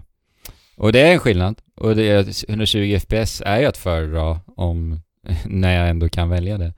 Men det är inte Alltså det är inte 30 FPS till 60 FPS hoppet, som sagt, som jag nämnde eh, i förra avsnittet. Eh, och jag tycker inte att det är, det är ingenting som får mig att så här hoppa i taket över wow, hur det ser ut. Utan för mig är det mer lite lyx. Och ja, det ser jättefint ut. Men, Men det är inte som så här, för att alltså typ, eh, du kan ju aldrig spela eh, väldigt, alltså spel som du behöver vara, vara väldigt alert och responsiv när du spelar, alltså typ fighting-spel. mm, s- vill du ju spela i 60 minst. precis. Men det här är ingen, är det så här, du tror aldrig att det kommer komma till den punkten att så här, du, du kan inte spela ett fightingspel Nah, alltså 100 det... bilder i sekunden. Jag har liksom. svårt att se det. Att det skulle kännas... För, för det du säger här är att det är egentligen... Du hävdar att det går inte att spela ett fightingspel i 30 FPS, eller? att, att det, jo, det är ju klart att det går, går att göra det, men, Men det är är inte att- föredra. Nej. Alltså jag tänker så här, jag spelade Astral Chain till, till Switch här förra året som jag älskade. Det Ja. rullar i 30 FPS. Ja. Och ja, jag hade definitivt föredragit att spela i 60. Men jag njöt eh, massor i 30 också. Ja. Eh, Så, det, så länge det är stabilt egentligen så. Men ja, ett fightingspel i, i, i 120, jag tror inte det kommer bli ett måste. Inte för mig. Alltså, jag, det är svårt att säga. Det känns som att om det skulle bli det så är det om många, många, många, många år i så fall. När det är en sån, Ja. sån pass standard att, att 120 FPS är det vi spelar med. Visst. Och det blir det väl kanske snart. Jag vet inte. Vi får se. Ja, något måste de fortsätta bygga på. Men grejen är ju liksom, förra generationen, hur många spel rullade i 60? Generellt? Inte många. Nej. Så varför är vi så besatta av att hoppa till 120 helt plötsligt? Nej, men Men vi ska alltid Alltså, jaga det, det som det är utom räckhåll. Exakt, alltså jag, jag eller det är ju klart, alltså standarden ökar ju hela tiden och sen så får vi eh, nya, nya grundförutsättningar och nya grundförväntningar liksom. Eh, men det är ju inte som att det är nödvändigt, men det kanske vi inte tyckte när vi spelade Ocarina of Time i, vad var det, 16 FPS eller vad det var. Heller, i och för sig. Så att, ja, jag vet inte. Det är ju bara, det är ju bara the show must go on och utvecklingen måste... ja, det kanske är bra för utvecklingen förstås. Eh, Men gärna en Men- standard på 60 först. Och sen, Ja, exakt. sen kan Ja, vi ta nästa steg. Ja, men jag menar, som sagt, jag, jag kommer kunna ha 60, 4K 60 på min TV. Jag menar, jag har aldrig någonsin spelat spel som har stabilt rullat i, i liksom 60 och jag har definitivt inte spelat spel i 4K förut. Så Nej. det kommer Nej. bli en njutning i sig. Det är ju lyx. Lyx. Ja. Deluxe. Mm. Ja, det är lyx vi pratar, pratar om här alltså. Precis. Eh, ja, Kommer kunna se varje tassavtryck i, in i minsta detalj. mm. När man spelar spel med djur i. Det har jag gjort. Man spelar hörni. spel med djur som lämnar eh, tassavtryck. Ja, jag har dock inte spelat... Detaljerade sådana. Ja, jag har dock inte spelat eh, Paw Patrol-spelet på Series X eftersom att jag som sagt inte har packat upp den än. Jag har spelat det på Switch. Och det är alltså Paw Patrol kolon Mighty Pups Save Adventure Bay. Eh, som jag har spelat. Det är inte... Eh, det är inte bara jag som har spelat det här spelet, utan eh, framförallt så är det min fyraåriga dotter Greta som har spelat det. Ah. Eh, Det där blir ju avsnittsnamnet. Lätt. Paw Patrol, Mighty Pup, Save Adventure Bay. Ja. Eh, men det är ju så att jag vet inte hur mycket, hur mycket koll ni två har på Paw Patrol. Ingen alls, måste jag... Nej, ytterst Alltså. lite alltså. För att det här är ju... Det skulle ju vara som att säga till oss att så här... Vad ska man jämföra med? Ja men så här... Turtles, vet ni vad Turtles är? Alltså typ så här, ställa Ja. den frågan. Alltså, det är så här super, super stort liksom, bland eh, Ah, små okej. kids. Det är verkligen, ja, en av kanske de tre allra största i hela världen just nu. Både i form av leksaker och eh, själva serien då. Okej. Så Ehm, det här är en big deal alltså? Ja, ja, alltså det är definitivt. inte bara något random licensspel liksom? Nej, alltså... Det har inte, tidigare inte funnits några Paw Patrol-spel, för Paw Patrol finns ju i... Hur många säsonger är det? Jag vet inte om det kanske är en fyra, fem säsonger eller någonting nu. Eh, men hittills, vad jag har sett i alla fall, så har det inte funnits några spel. Eh, det kom ett spel då för förra året, tror jag, eller kanske förra, förra året. Ja, för ett eller två år sedan. Som, som bara, ja, det var liksom Paw Patrol, det första Paw Patrol-spelet. Och då... Då skaffade jag det just för att eh, Greta skulle börja spela. Det måste varit förra året då, för det var hon tre. Ehm, och det är 2D-plattformsspel. Ut, alltså det är lite Mhm. Kirby, helt utan uh, fail states egentligen. Eh, Okej. så det enda du ska göra är att ta dig från vänster till höger, liksom hela vägen in i mål. Och du ska samla sådana här hundchecks på vägen. Eh, och... eh, Säger du kex? ja, jag, jag stannade upp där för jag misstänkte att det skulle komma en invändning. Jag är ju eh, här i västra delen av, av Sverige. Sydvästra Ja, ja. delen. Där, Carry on. men, och, men även såna här eh, gulden, eh, guldtassar kan man hitta, lite som Skaltullas eller någonting. Alltså det är lite så här hemliga, inom citationstecken, eh, guldavtryck som man kan få också då. Eh, Så Mhm. det är de två sakerna man kan, eh, man kan ta helt enkelt. Och sen är det då att någon gång per bana så, så får man då kalla in sina andra valpkompisar. För det är, grunden till Paw Patrol är att det är en, ett gäng valpar som eh, har olika förmågor och de rycker ut på olika uppdrag. Eh, Så det kan vara så här, ja ah, men nu har geten eh, fastnat eh, på bergssidan, vi måste rädda geten. Ja men då får Sky som har helikoptern och eh, eh, vad kan det vara mer? Ja men Rubble som är så här, den som är borrar och så här tung, tunga jobb liksom gör han. Då får de åka dit och Okej. så löser de uppdraget. Så att de plockar alltid ut några av valparna per, per gång liksom. Mm. Eh, och i de här spelen så kan man liksom kalla på de andra då för att göra en väldigt specifik sak. Att om vi behöver dyka under den här eh, bron i vattnet, ja då kommer Zuma in och dyker med sin ubåt och så. Eh, lite Lost Vikings då, eller? Ja, fast det är ju väldigt eh, förenklat för att det är så här, du får en prompt, här kan du trycka för att Zuma ska komma och göra sin grej liksom. Mm. Eh, och så finns det lite så här, eh, nästa steg på banan så är det så här, men nu är det tre val du kan göra. Ska du borra? Ska du ha ett rep? Ska du ha eh, en båt liksom? Och så får du trycka på rätt och trycker du fel så blir det bara så här, brr, nej, försök igen tills man Mm. får rätt. Då. Men, men det var originalspelet. Eh, det här är då eh, Mighty Pup Save Adventure Bay och då har de blivit superhjältar, hundarna. De har en, Okej. de har liksom en superform nu också. För, förutom sin vanliga form så har de också en förmåga kopplad till sin normala eh, nisch liksom. Fast den är Mm. i superhjälteformat. Eh, och spelet har också gått från att vara 2D till eh, isometrisk 3D. Mhm. Eh, så man rör sig fritt på banorna nu istället. Lite, Okej. lite Super Mario 3D World, typ, eller? Ja, precis. Och Mhm. eh, dessutom så är det co-op, vilket det inte var i första spelet heller. Eh, och, och första spelet började Greta spela ganska nyss för att hon tyckte det var för svårt, trots att det är liksom ganska basic, men man måste ändå hoppa och röra sig samtidigt. Och hon, hon hade svårt att connecta det när hon var tre år, men nu så spel, har hon köttat första spelet och typ, alltså nästan bara någon, några dagar, någon vecka efter att hon hade klarat sista banan i spelet, så, så fick vi lite pressutskick om att det här var på gång, det nya spelet. Så det var Mm. perfekt att bara så här, slida in i det. Så nu har vi spelat tillsammans och hon har spelat själv också och verkligen köttat det. Nej, men åh, vad kul. Ja, och det är ju hennes första liksom, egna spel som hon spelar. Mm. Eh, och det, det märks ju lite att så här, de har eh, gjort konceptet lite svårare, vilket eh, komplicerar lite för henne och också rent tekniskt, för det är lite på, på switchen är det lite så här, eh, ja men det droppar någon frames här och var och det är lite så här oprecist emellanåt och det är inte, det är inget tekniskt mästerverk liksom. Nej. Men okej. det behöver inte vara det, för att det räcker med att licensen är väldigt välgjord. Och dessutom finns det här på svenska. De patchade. Ah. Eh, första spelet finns inte på svenska, så att det gör ju extremt mycket och det verkar som antingen som har samma röstskådisar som i serien, eller så har de hittat sound alike som funkar skitbra. För att det låter verkligen som de riktiga karaktärerna och det är också viktigt. Mm. Eh, så att ja, nej, det har varit en, en delight att spela det här spelet, även om spelet i sig inte är något så här superspeciellt, men de har ändå liksom eh, blivit mer ambitiösa till det här spelet och framförallt co-op-delen är ju jättekul.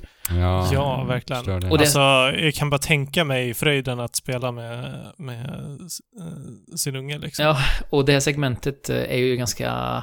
Alltså det är många gånger under de här senaste åren som jag verkligen har letat efter spel i det här allra, allra enklaste segmentet. För det finns Mm. nästan inga. Mm. Jag menar, till och med legospelen har varit för svåra för henne och Nils när han var yngre. Så att Ja. bara att ha ett spel som är ändå välgjort och på en licens som de känner igen, det är liksom guld. Ja, Så, ehm, jag förstår det. eh, för att vara på en konsol liksom. Mobilspel har vi spelat mycket.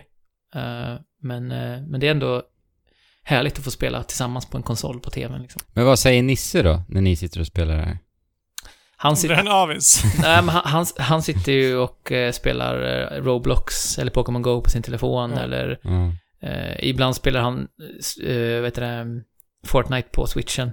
Mm. Eh, men, eh, och, och nu har det varit jätte, jättemycket Among Us det sista. Han spelar typ bara Among Us nu ja, just det. Among Eh, us. med sina Ja. vänner. Men eh, eh, eh, anslöt han sig till eh, Roblox-konserten som var nu i helgen?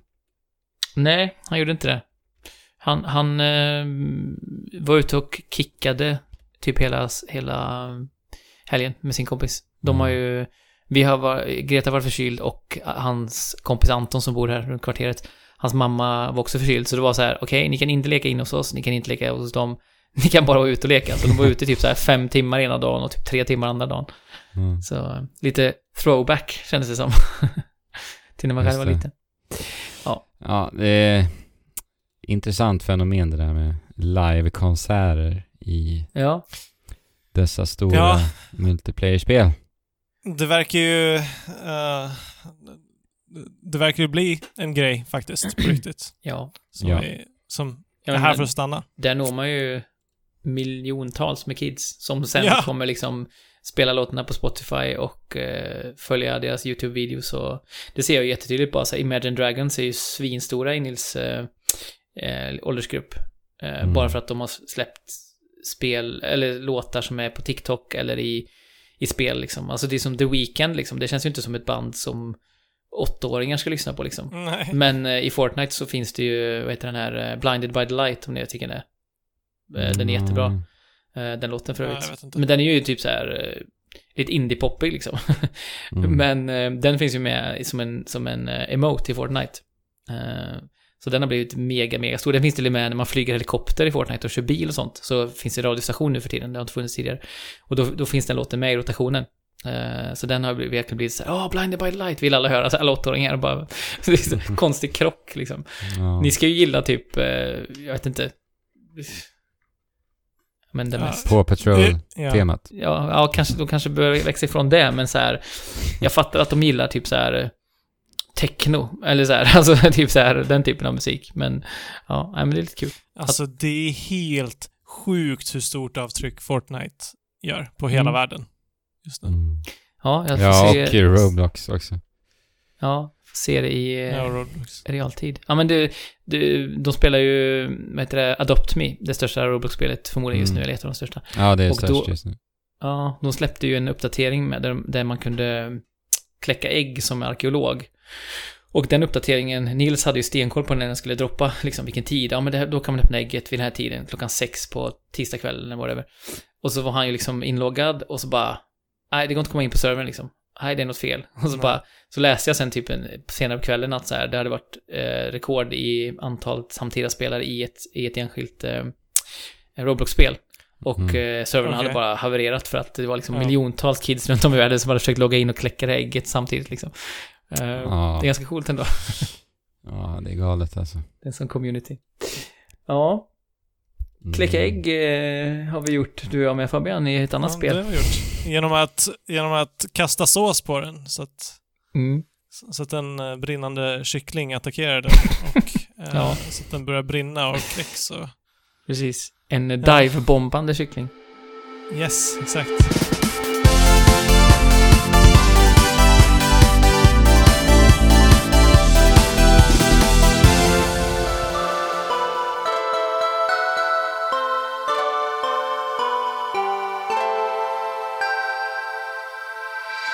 Find a bug and kinda snack. Try to catch them in your trap. It's a body and you'll see we Are are whatever we eat. Find them hiding in the sand. Tearing up a ketchup patch. Come to Snack Tooth Island and discover It's bug snacks.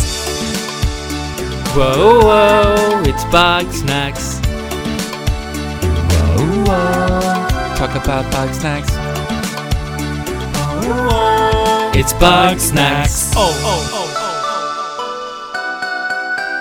Vi har ju under ganska lång tid sett fram emot att Bug Snacks ska släppas. Vi har ju för det första, när vi såg trailern så noterade vi att båda två har väldigt mycket eh, värme för Kero Kero Bonito som gör huvudtemat till spelet. oh. Ja, exakt. Eh. Alltså, första gången, första gången det här visades så verkade det bara vara ett plojspel liksom. Och Mm. det är skaparna av Octodad, eh, vilket bara styrkte den fördomen. Eh, Mm. Att det bara skulle vara liksom plojigt. Mm.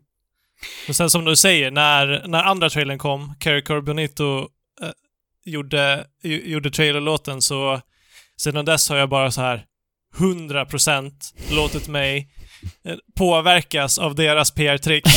eh, och bara så här, ja, jag jag är på, jag är på tåget. För att Mm. jag, jag lyssnar ganska intensivt på Kiro, Bonito de senaste åren. Mm. Eh, så att det kommer som en riktigt härlig överraskning. Ja, hon är någon slags eh, brittisk slash japansk DJ, är det så? Ja, eller ehm, hon, eh, vad heter hon, Sarah Perry uh, Midori eller något. Ehm, Mm. hon, hon som är vokalist i bandet Kiriko Benito Mm. är med två eh, andra dudes som är tv-spelsintresserade och så vidare och de sökte någon som kunde rappa på, på japanska och Mm. då hittade de varandra och har hållit på sedan dess. Mm. Och det var låten Flamingo jag upptäckte dem via som är väldigt härlig. Ehm, Jag, alltså jag hörde, den, jag hörde den för hur länge sedan som helst. Mm. Alltså, ja. Hon påminner lite om en annan artist som jag gillar som också har en Japan-koppling som heter Bo N. Eh, Bo N. mm, Det känner jag igen som- faktiskt. Med LP eh, som heter Pale Machine som de har, om ni lyssnar på Way, Waypoint någon gång med Austin Walker och Patrick Klepek och flera eh, som är gamla Giant Bombare. Mm. Då, de har den som intro. Det var så jag upptäckte den. Men hela den skivan, eh, Pale Machine, tycker jag är underbar. Och den har ju exakt samma energi som Kiro, Kiro Bonito har. Och Den måste jag lyssna på då. Men, men Bugsnacks-låten då, eh, är ju på samma tema som, som man har tyckt sig hela tiden att så här, det här kommer vara ett sprudlande spel om eh, att upptäcka knasiga figurer liksom. Det är där Ja. man har ramat in det. Och sen i den här trailern som du pratade om, den andra trailern, så avslutas den ju med att det kommer in ett, ett mörkt synt-svep. Och där det kommer in någon karaktär som ser ganska, eh, vad ska vi kalla det? Eh, disturbing ut. Alltså den ser ganska off ut på något vis. Sista sekunderna bara i trailern. Och då blir man lite såhär, åh, finns Aha. det någon slags, ett mörkt Ja. stråk i det hela också liksom. Eh, men där det är såhär nio tiondelar glättighet kan man väl säga i, i känslan inför. Eh, men jag tror, ja, vi kanske ska säga det nu då innan, innan vi går in på det att om man inte vill veta någonting om Bugsnax, så det kan vara så att vi har, vi har upplevt båda två, du och jag Fabian, att när vi började spela spelet så upptäckte vi saker som eh, påverkar ens upplevelse av spelet. Så om man inte vill höra någonting om det här nu, då kan man hoppa Ja, egentligen hoppa resten, för det är väl sista spelet vi pratar om. Ehm, Ja, precis. Uh, alltså, jag känner bara att så här, jag visste inte vad jag skulle förvänta mig av det här spelet överhuvudtaget. Eh, och det var, det var nog en bra grej att bara få upptäcka det här spelet Mm. eh, helt, helt och hållet själv. Men alltså, eh, det är ju egentligen ingenting annat än ett annat spel. Jag menar, om du om du blir, om du inte vet någonting om en film eller eh, en serie eller ett tv-spel som du spelar och det visar sig vara eh, överraskande på ett bra sätt så, så ger ju det en lite extra liksom, boost till, Ja, och vi kommer inte spoila story och så såklart heller, men som sagt, det känns ändå som det är ett sånt spel att om man vill gå in blind så, så ska man inte ens lyssna på det vi säger snart, för att då har man Nej. blivit lite färgad. Okej, men då, då hörs vi. Ha det bra. så här, Hej. Ja. Nej, du måste vara kvar. Det är, eh, det är ditt straff för att inte ha, ha spelat detta med oss. ja. Ja, nej men, eh, in i det då. eh, in i, i, på Snacktooth Island. Eh, för att man spelar som en eh, journalist. Ja.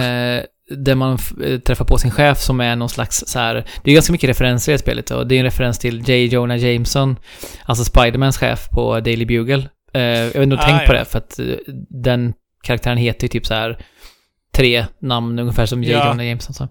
Eh, och man blir liksom så här, okej, du, du är på väg att få sparken, men du får en sista chans att visa att du är någonting värd.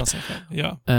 Och du ska ju bli ivägskickad då till Snacktooth Island för att eh, en karaktär som heter Lizabert, vad heter hon i efternamn? Megafig, Men oj. Megafig. Ja. ja. har, säger sig ha upptäckt en helt sjuk eh, forskningsupptäckt där Ja. det finns djur som är snacks och snacks som är djur på något sätt. ja. Eh, och, då, och då, så det är lite kul att, att, att det in, in game liksom också refereras till det som att det är någonting väldigt konstigt. Ja. Eh, men då, då skickas man iväg då på det här uppdraget för att rädda sitt jobb. Och det är det som är premissen, du kommer till ön för att försöka liksom klura eh, i det här. Ja, egentligen så kom vi bara dit för att då intervjua Elisabeth Megafig. Mm. Eh, men på vägen dit så blir vårt luftskepp attackerat av eh, en enorm flygande pizza. Ja, typ capricciosa eller någonting. Ja. Mm. Eh, så att vi kraschlandar och det visar sig att uh, saker och ting inte är frid och fröjd på uh, Snacktooth Island där de då har utfört den här expeditionen. Eh, och Mm. den första karaktären vi stöter på är Filbo. Mm. Filbo Fiddlepie. Mm. Som eh, är en eh, väldigt misslyckad blå liten eh, karaktär. Vi ska ju säga att alla, alla humanoider i det här spelet kallas Grumpuses. Mm. Eh, vi är en Grumpus, eh, alla invånare på, eh, på Snacktooth Island är Grumpuses. Mm. Ja, precis. Om man pratar om de lite mer humanoida karaktärerna. Men, Precis. men ibland säger de, det, det har jag tänkt på, ibland säger de Grampuses, och ibland säger de Grampus bara. Alltså även i flertal, i plural. Och jag skulle vilja kalla dem för Gram, Grumpy istället. Grumpy. One, one, one Grumpy, two Grumpy. ja, Eller man- bunch of Grumpy. Men ja, Fungi, f- fungi och... ja, exakt. Men ja, eh, Nej men du träffar på Filbo som ligger helt utslagen eh, efter att ha, ha försökt hitta mat. Eller har försökt ja, fånga bugsnacks helt enkelt för att Mm, han är precis. så Stackarn. utsvulten. håller på att ja, svälta ihjäl. Ja. Eh, för att han har förlorat Elisabeth Megafig, den som vi ska då har kommit hit för att intervjua. Mm. Eh, och utan henne så tror Filbo sig vara helt oduglig och ja, han visar sig vara ganska oduglig. även fast han har en, eh, en banderoll kring Precis. axeln där det står Mayor. Ja, en sån här, sån här Ja, vad skönhetstävlings heter eh, grej som det står Mayor Ja. eh, på. Så att det ska vara tydligt att han, att, att han är det. Men eh, ja, man kommer vi ska inte säga så mycket mer än så, men man kommer ju tillbaka Nej. till en by som är liksom i total, totala spillror och så är liksom en, ett av uppdragen då att helt enkelt hjälpa Filbo att återställa det till sin forna glans då. Exakt. Mm, och alltså, det första vi får göra är då att eh, fånga en bugsnack. Så att det första jag slås av att det här spelet är mycket mer Pokémon än vad jag någonsin skulle kunna tro. Inte bara för att man samlar på alla de här olika mm, insektssnacksen, vi måste säga bugsnacks, för det blir konstigt att säga det på svenska. Ja. Eh, utan också på det sättet att de upprepar sina namn, ja. det de heter, de här, precis som Pokémon gör. Lika charmigt också faktiskt. De har lyckats liksom emulera charmigheten hos Pokémon. Det är ju imponerande i sig. Ja, verkligen. Eh, och det första jag slås av är också att så här. Om de skulle göra ett Pokémon-spel i den här andan så skulle det vara typ ett av världens största, bästa spel. Oj. Eh, Men det Tar, var- tar det här det ner Poké- Monster Hunter Stories från tronen att va- vara världens bästa Pokémon-spel som inte är ett Pokémon-spel? nej men, nej men eh, det, det har ju mest med varumärket att göra, men eh, det, det, det kanske gör. D- d- Där slutar ju också likheterna med Pokémon, att det är eh, eh, varelser som, som, säger, som pratar med sina namn och att de ska samlas på. Ja, men det är just det, alltså vi har inte sagt det ens, men man spelar ju det här spelet i första person. Eh, Mm. Så man ser liksom sina armar flänga omkring, men, men i övrigt så, så ser du i första person. Så att Mm. det är väl det du säger, att så här, fånga Pokémon i det perspektivet skulle ju vara väldigt häftigt liksom. Ehm, det är det man får. Ja, och lösa lite så här gåtor och uppdrag och upptäckter och så vidare Mm. eh, i det här. Men sen har vi lite, eh, lite liksom monsterfångar-aspekter i det här Mm. spelet. Just det. Jag tänker att det är... Eh, om vi säger att det är en liten... eh, Ja, det är ju precis som i Pokémon, men vi har inte Pokémon-bollar, utan snarare mer som eh, i Horizon Zero Dawn, Mm. så har man hur många olika... Eller så har man massa olika verktyg för att fånga eh, de här monstren på. För att lura, Mm, lura som- till sig dem på olika vis. Man lurar till sig dem. Det, den absolut enklaste den första vi får är bara en fälla som man lägger sig ner. Eh, som du lägger ner på marken och så ska du försöka se till att en bugsnack går över så får du vara med och aktivera den när Ja. den då är inom radien. Och scannar man bugsnacksen, eh, vilket man gör med höger, klicken i högerspaken, så eh, får du också se dess, liksom, eh, hur den rör sig. Så vi kan- Precis som i Horizon Zero Dawn. Ja, precis. Mhm. Faktiskt, faktiskt verkligen precis som i... Just det. Det ser nästan, ser nästan ut som de har använt samma liksom, design med de Ja. taggiga pilarna typ som... Samma grafikmotor. Exakt. Samma grafikmotor. Eh, ja, nej men... eh, Och sen så, som du sa, så fyller man ju på dem med allt mer avancerade verktyg eh, allt eftersom du rör dig genom världen. Är det egentligen huvudsakliga pro, progressionen eller? Dessa verktyg? Ja, alltså, eller... Allting, progressionen går ju lite in i... In, in i allt. Att liksom, Mm. Eller den huvudsakliga progressionen är ju att samla alla tillbaka till Snacksville. Mm. Nej, det. Snacksburg. Snacksburg. Mm. Ja, men jag måste få säga det nu, för jag har suttit och liksom Ja. hå- hållit på det ganska länge. Att, Ja, men kör. nej, men det är att eh, eh, det här spelet är ju väldigt mycket eh, mer allvarligt, väldigt mycket mer mörkt, väldigt mycket mer eh, ja. fokuserat på eh, mänsk- mellanmänskliga problem Ja. och, och eh, storydrivet. Alltså det var därför jag sa nja när du frågade om progression, för att progressionen är nästan helt och hållet eh, storybaserad. Mm, Eh, okej. Du behöver inte ens fånga typ, du kan fånga typ så här hälften om ens det av alla bugsnacks och ändå klara spelet. ja, eller Eh. alltså egentligen ska du väl bara kunna fånga liksom en 20-tal Mm. av de hundra som, som finns. Mm. Men varför fångar jag så- ens men- då? Är det bara Men- samlarmässiga skäl? Alltså okej. Bugsnacks. Det här spelet är... Det, det, vi, har, vi har den här lekfullheten. Vi har, eh, vi har de här speliga eh, aspekterna och vi har... Eh, mm, och vi har de här mellan... mm, De här relations aspekten och så. Mm. Men sen så har vi de absurda delarna i det här spelet som, som är väldigt utstickande. ja, det är ju det, är ju det alltså främst, alltså skulle säga att spelet är ju, om det är någonting så är det ju bisarrt och absurt liksom. Det är ju Mm. verkligen det som är huvudkänslan Mm. i spelet. Så eh, det som händer när någon äter en bugsnack är att Alltså, en av deras, en av deras eh, kroppsdelar förvandlas till den bugsnacken.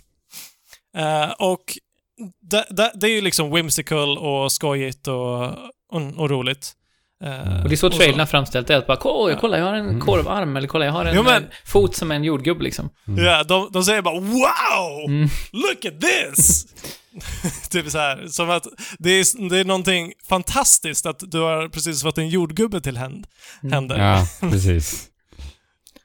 Eh, och det är helt fantastiskt hur de har gestaltat det. Ja, men bara, alltså bara i början änden att det känns ju väldigt onaturligt direkt. För det första, Ja. att, eh, alltså det, det spelar de ju med i trailern också där, att Elisabeth som är med där tittar så här, hon, hon agerar ju som en naturfotograf och så plötsligt så bara slukar hon den här eh, st- stråbin, den gulliga jordgubben som springer runt liksom. Och då blir jag så oj, vad hände där? Och samma sak var med mina barn när jag pratade om så här, ah, vilket gulligt spel, de tyckte det var jättegulligt. Och sen bara, men ska man äta dem? Alltså det är så här, Ja. det, det är ju väldigt medvetet som de har designat spelet utifrån att det känns ganska...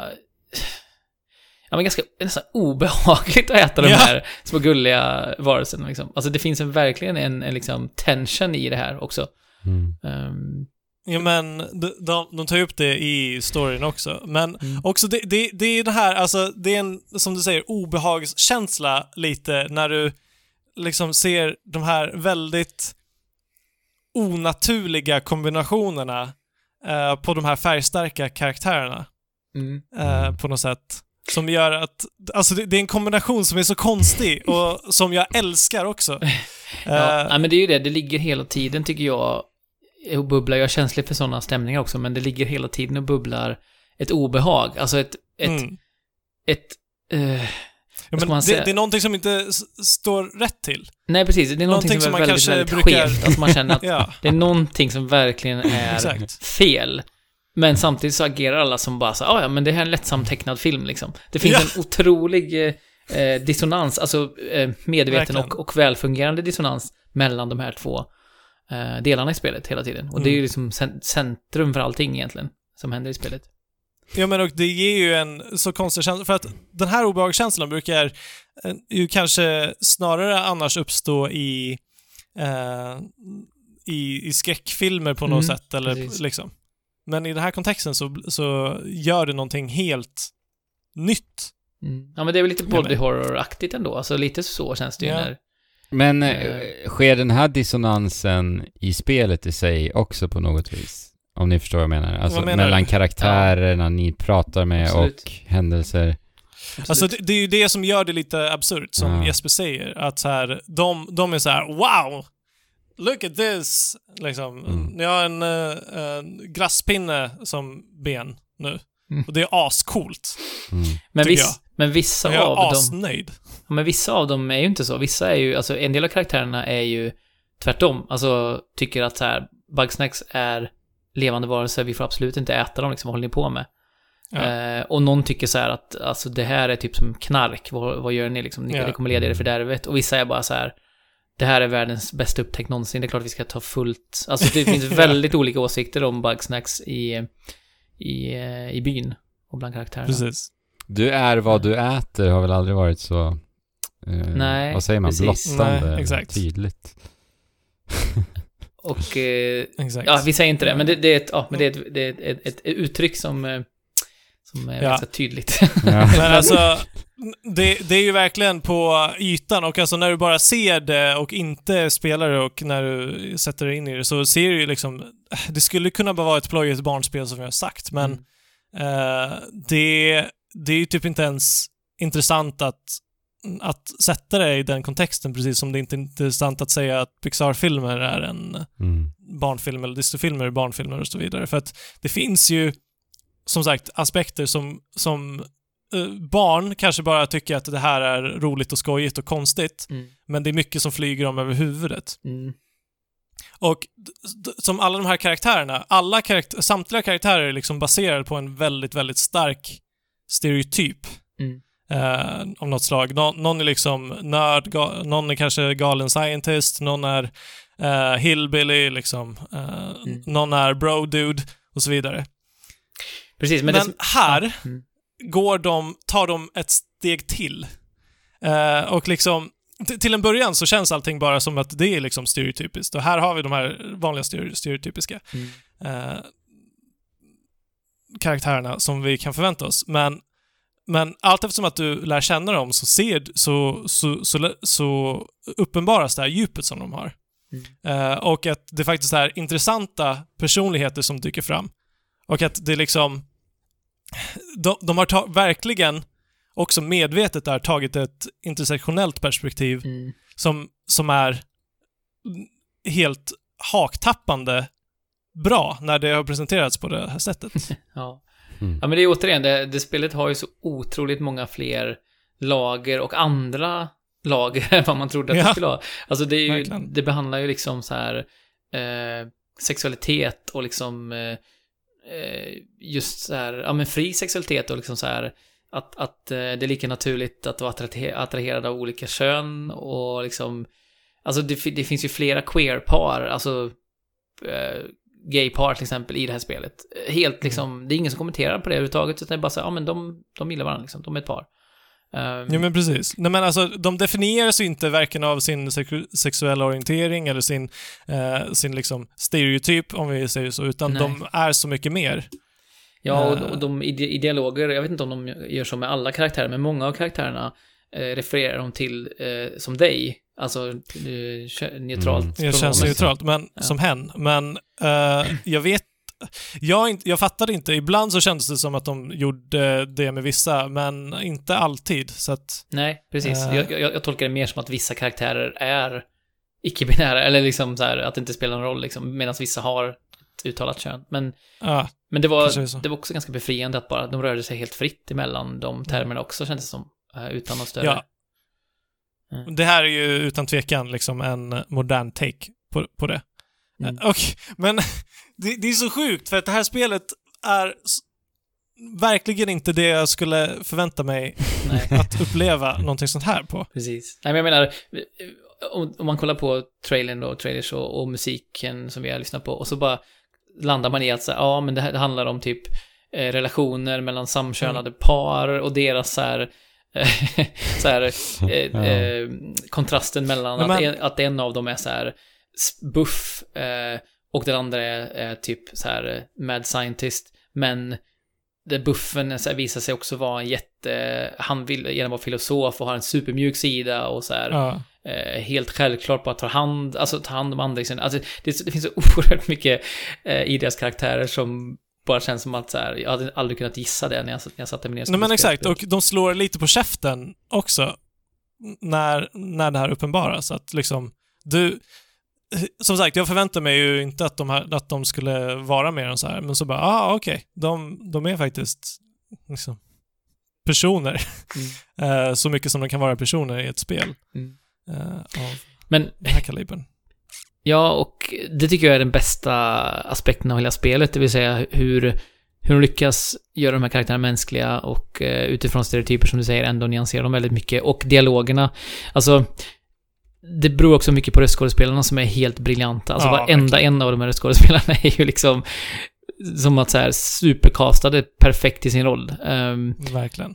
och det, alltså så här, det finns en, en eh, kanadensisk kvinna som är arkeolog, eller hon har en kanadensisk eh, eh, Accent. dialekt, accent, precis. Och hon är bara, alltså jag bara lyssnar på hennes voice lines bara för att jag ville höra hur hon sa dem liksom hela tiden. För att det var så... Ja, visst.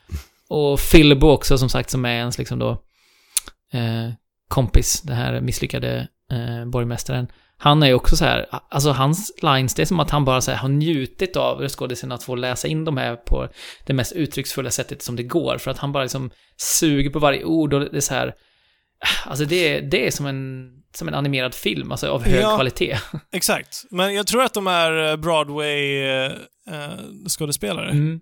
Och det är även han, vad heter han som eh, gjorde Spiderman i... Han gjorde, vad heter det? Motion för Spiderman i, i ja, första. Spiderman-spelet. PS4-spelet. Okej. Mm. Ja. Vad är den heter? Eh, han som inte fick vara det nu i den nya, som de snackade om. Ja, just det. Ja, jag vet men, inte vad han heter. eh, Jag har ingen koll. Nej, men det är i alla fall, det som du säger, det är ju liksom verkligen eh, väl Professionella, renommerade namn ja. här. Ja, de, de kan ju sin skit. Verkligen. Men vi har ju inte liksom snackat så mycket om vad spelet är. nej, Eh, liksom hur vi faktiskt spelar spelet och så. Eh, och det... Det är ju dels uppdelat i huvuduppdrag och sidouppdrag. Huvuduppdragen handlar om att du ska ta dig igenom olika biomer, helt enkelt. Eh, för att, som sagt, du ska ena staden igen och alla har flytt från staden för att de har bråkat av någon anledning. Och, och lämpligt nog så har va, va, var och en av de här invånarna flytt till sin egen eh, biom, eh, så att du får utforska alla biomer och, trä- och träffa på alla olika typer av bugsnacks. Eh, och eh, som sagt så får du nya, upp, nya verktyg för att fånga olika bugsnacks och att fånga många av bugsnacksen blir ett lite pussel i sig, vilket jag uppskattade väldigt mycket. det är väl det som är Eh, grejen. första det är ett gången pusselspel. Vad sa du? Ja, det är det som är grejen. Det är ju ett pusselspel. Ja, Eller, pussel, äventyrsspel, liksom. pussel. Och mm, det, många gånger kommer jag till en ny bugsnack och bara okej, eh, nej, det här gick inte, så hur får jag göra nu då? Eh, och så får man liksom kombinera de verktyg som du har ofta eh, och, och försöka få bugsnacksen runt omkring att interagera med varandra och så vidare. Mm. Eh, att, för att lära dig hur du faktiskt fångar de här olika bugsnacksen. För de första som du säger har ju bara så här enkla eh, enkla revir som de går i och så sätter man ut Ja. fällan och så är det bra med det. Men, Men ju längre in man kommer desto mer komplicerade kombinationer blir det typ så här, ja men den här flyger och brinner, eller den här Mm. eh, är liksom is, så allt den rör till vid blir till is. Eh, Så du måste liksom, Ah, just som. Fabian sa, hitta sätt att i omgivningen eh, hitta eh, lösningarna där. Och du kan också använda dina egna verktyg. Det känns som att i många av fallen så finns det också eh, olika lösningar på, på Mm. problemen. Du kan så här, Visst. antingen kan du närma dig en, eh, en bugsnack som simmar runt och sprutar vatten och släcka elden om, om den kommer för nära den här eldbugsnacken. Eller så kan du själv eh, typ så här se till att kajta ner den i en, en, eh, en vattenyta. Eh, alltså typ så här använda en tripwire för att få den att ramla ner från, från en höjd ner i vattnet. Alltså det finns så många olika sätt. Och det känns ibland som att man kan nästan så här Sky, Skyrim hoppa sig upp för berget liksom. Alltså man kan så typ så här skarva sig till att fånga Mm. fånga bugsnacks ibland. För att det är en fysikmotor som är ganska så här. Eh, den är ganska fri, eller ska säga. Alltså bugsnacksen har liksom en eh, riktig fysik. Så ramlar de Mm, på någonting visst. så kommer de liksom studsa från den och, och så. Eh, Men är det också någon form av kemimotor då? När du nämnde eld och, och så vidare, is och... Ja, nej, väldigt simplistiskt. Ja, okej. mm, Eh, du bara, eld kan du inte röra, du kan inte röra eld eller is typ. Eh, men i, i och med sidouppdragen och så, uh, sidouppdragen består i att hjälpa, efter att du har hittat varje medborgare så, så kan du hjälpa dem ytterligare. Eh, och det är alla varierade saker att göra och på, på vägen så lär du känna de här karaktärerna mer, vilket jag tyckte kändes som att det blev mer än värt det och dessutom så lär du dig nya sätt att spela spelet på i, i en del av de här sidouppdragen, vilket eh, vilket bara kändes gjorde att sidouppdragen blev rättfärdigade. Mm. mm. Jag, jag har faktiskt inte Och- spelat en enda minut av ett enda sidouppdrag. Jag har bara spelat huvudstoryn. Ah, okej. Eh, och det säger väl ändå en del om, som sagt, det här med karaktärerna. Då har jag bara fått den delen och inte deras sidouppdrags eh, innehåll. Men det är, väl, det, det är väl här vi kommer till, eh, där liksom vår stig till Snacktooth Island har liksom varit eh, eh, parallell, eller samma stig vi vandrar på nu, tror jag att den blir som ett sånt där y, där man liksom går lite åt varsitt håll. Jo, visst. För att jag... ehm, Eh, är det någon mekanik i spel som gör mig stressad och demotiverad så är det ju logiska pussel. Det är det värsta jag vet i spel. Och hela det här spelet är ett enda stort logiskt pussel, liksom, om man kollar på gameplay. I princip. Inte riktigt, men nästan. Ja. Eh, Fast, ja. Ja, och, och även om pusslerna är enkla för den genomsnittliga eh, invånaren i Sverige så, så är de svåra för, för mig för att jag är, har så oerhört bristfällig logisk förmåga och, och det beror ju också på att jag snabbt blir stressad och, och otålig liksom. Mm. Eh, uttråkad av logiska pussel. Eh, så att jag kollar upp några av lösningarna. Eh, mer i början faktiskt, för sen kommer man lite in i tänket också och hittar, som du säger Fabian, lite fler sätt att närma sig situationer. Och jag, och jag Mm. tänkte också inför pass två eller tre när jag ska sitta och spela att så här, nej men nu ska jag faktiskt verkligen så här njuta och sjunka in i och lyssna på lite poddar om, om spelet och så här och komma in lite i modet. Så då blev jag lite mer så här, okej nu ska jag faktiskt klura ut det här lösningarna. Men, eh, men jag hade ganska kort, kort tålamod med det och det gjorde också att jag orkade inte göra några sidouppdrag utan jag bara, jag Nej. powerar igenom här nu för jag vill, jag vill, berättelsen var det som verkligen drev mig och karaktärerna som drev mig eh, till att få vilja Jo fortsätta. men alltså, då kanske det är värt för dig att återbesöka och göra sidouppdragen för att det handlar inte lika mycket om pussel utan där handlar det främst om liksom karaktär. Mm. Eh, eller det kan vara så här, hämta en specifik bugsnacks ibland liksom. Mm. Eh, men det klarar du. Och du får ju som sagt mervärde i form av karaktärsutveckling. Mm. Men det är ju också en, eh, om, vi, om jag säger att eh, skådespeleriet och karaktärsbeskrivningarna eh, eller karaktärsporträtten är, är det bästa så är ju också eh, det som du pratade om förut, att de olika bugsnacksens personlighet i hur de uttrycker, alltså det är inte bara att de säger sin, sitt namn, utan de säger också Nej. på ett sätt som passar för dess exakt. eh, attityd eller dess liksom personlighet. Så att om du är i djungeln och träffar på den här skorpionen som, vad den heter, jalapeno-skorpionen. Scorpenio heter den va? Ja, någonting sånt. Då säger den liksom, dels pratar den med latinobrytning och sen så säger den det väldigt så här lite bitskt och ilsket liksom, för den är ju chili, eller liksom Ja, Scorpenio, Scorpenio, Scorpenio, Scorpenio. Plus att de, när de blir, alltså till exempel om de blir nedknuffade och blir liksom arga eller rädda, så byter de tonläge. Så då kan det bli att den säger Scorpion! Mm. Scorpion! Ja, Istället när den blir liksom rädd och, ropar på hjälp i princip. Eh, så de har verkligen så här ansträngt sig för att, de, att Bugsnax ska få personlighet, för det tycker jag verkligen att de har. Ja, och det, det har de ju verkligen. Eh, min, min favorit är Picantis, som också finns i Mm. öknen där. Som eh, väldigt aggressiv, gjord av chilis och tacos typ. Mm. Uh! Picantis! Picantis! ja. Men eh, det är inte bara de här, hur, hur de väljer att uttrycka sig, de här bugsnacksen, utan de har ju pratbubblor med emojis också, Mm. som också känns väldigt... eh, för mig kändes det ofta ganska cringy, för att det känns konstigt att de här bugsnacksen har känslor på det sättet, men det känns ju också väldigt eh, rätt i tiden. Jag menar, där emojis är kanske mer av våran, eller att många idag kanske uttrycker mer känslor i emojis än eh, faktiskt andra sätt när man Mm. chattar och så. Eh, så mm, det är ju väldigt effektfullt, även om det kändes lite cringy. Så när Picantis kommer där, skitarg, en skitarg emoji i, i en pratbubbla kommer och han bara Picantis! Picantis! Eh, och så slår han mig och så börjar jag brinna. Mm. Och då får han en så här ex-gubbe som att så här, äh, jag skojar bara, typ. och det är att den får lite charm liksom, Mm. på något sätt. Att han är egentligen inte arg, han är bara lite het i temperamentet. Men sen, Mm. vi är ju typ kompisar ändå, även Mm. fast vi inte är kompisar med Bugsnacks. Men emojisarna, är de utformade utefter de här, vad hette de? Vad hette invånarna? Gig? Nej, de är, de är våra emojis, är så gula, vanliga Mm. telefon-emojis liksom. Mm. och det är jättemärkligt. Ja, det är märkligt.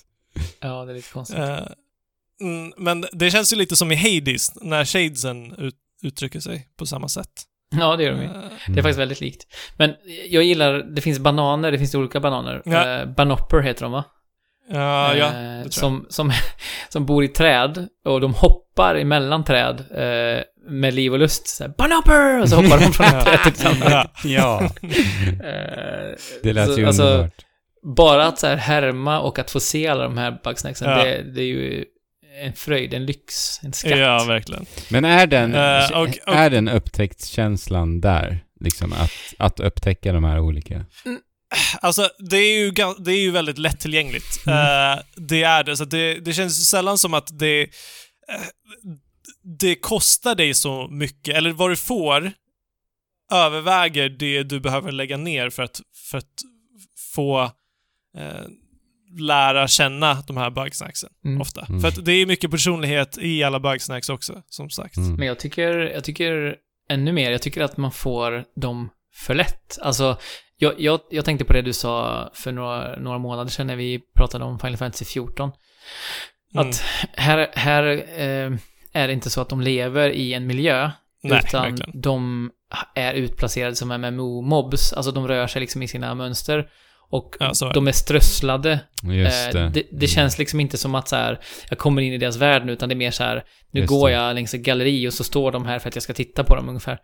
Ja, Eh, och det tycker jag är så synd, för att jag, jag tror att det här spelet hade kunnat göras på ett sätt där, där det blir mer så här, åh kolla där borta, ja det är någonting bakom trädet, jag springer dit och kollar vad det är. Mm. Ja, det är, de lever i ett Mm. samhälle här kring, eh, kring de här buskarna. Alltså, mer, men nu är det mer så här, Ja, här är eh, liksom strawberries utställda och här är det någon sån här precis. eh, ananas som springer runt och så här. De är väldigt... Eh, och, och dessutom så är det ju så att de har gjort lite för få bugsnacks för att vissa återkommer i nya teman i andra biomer.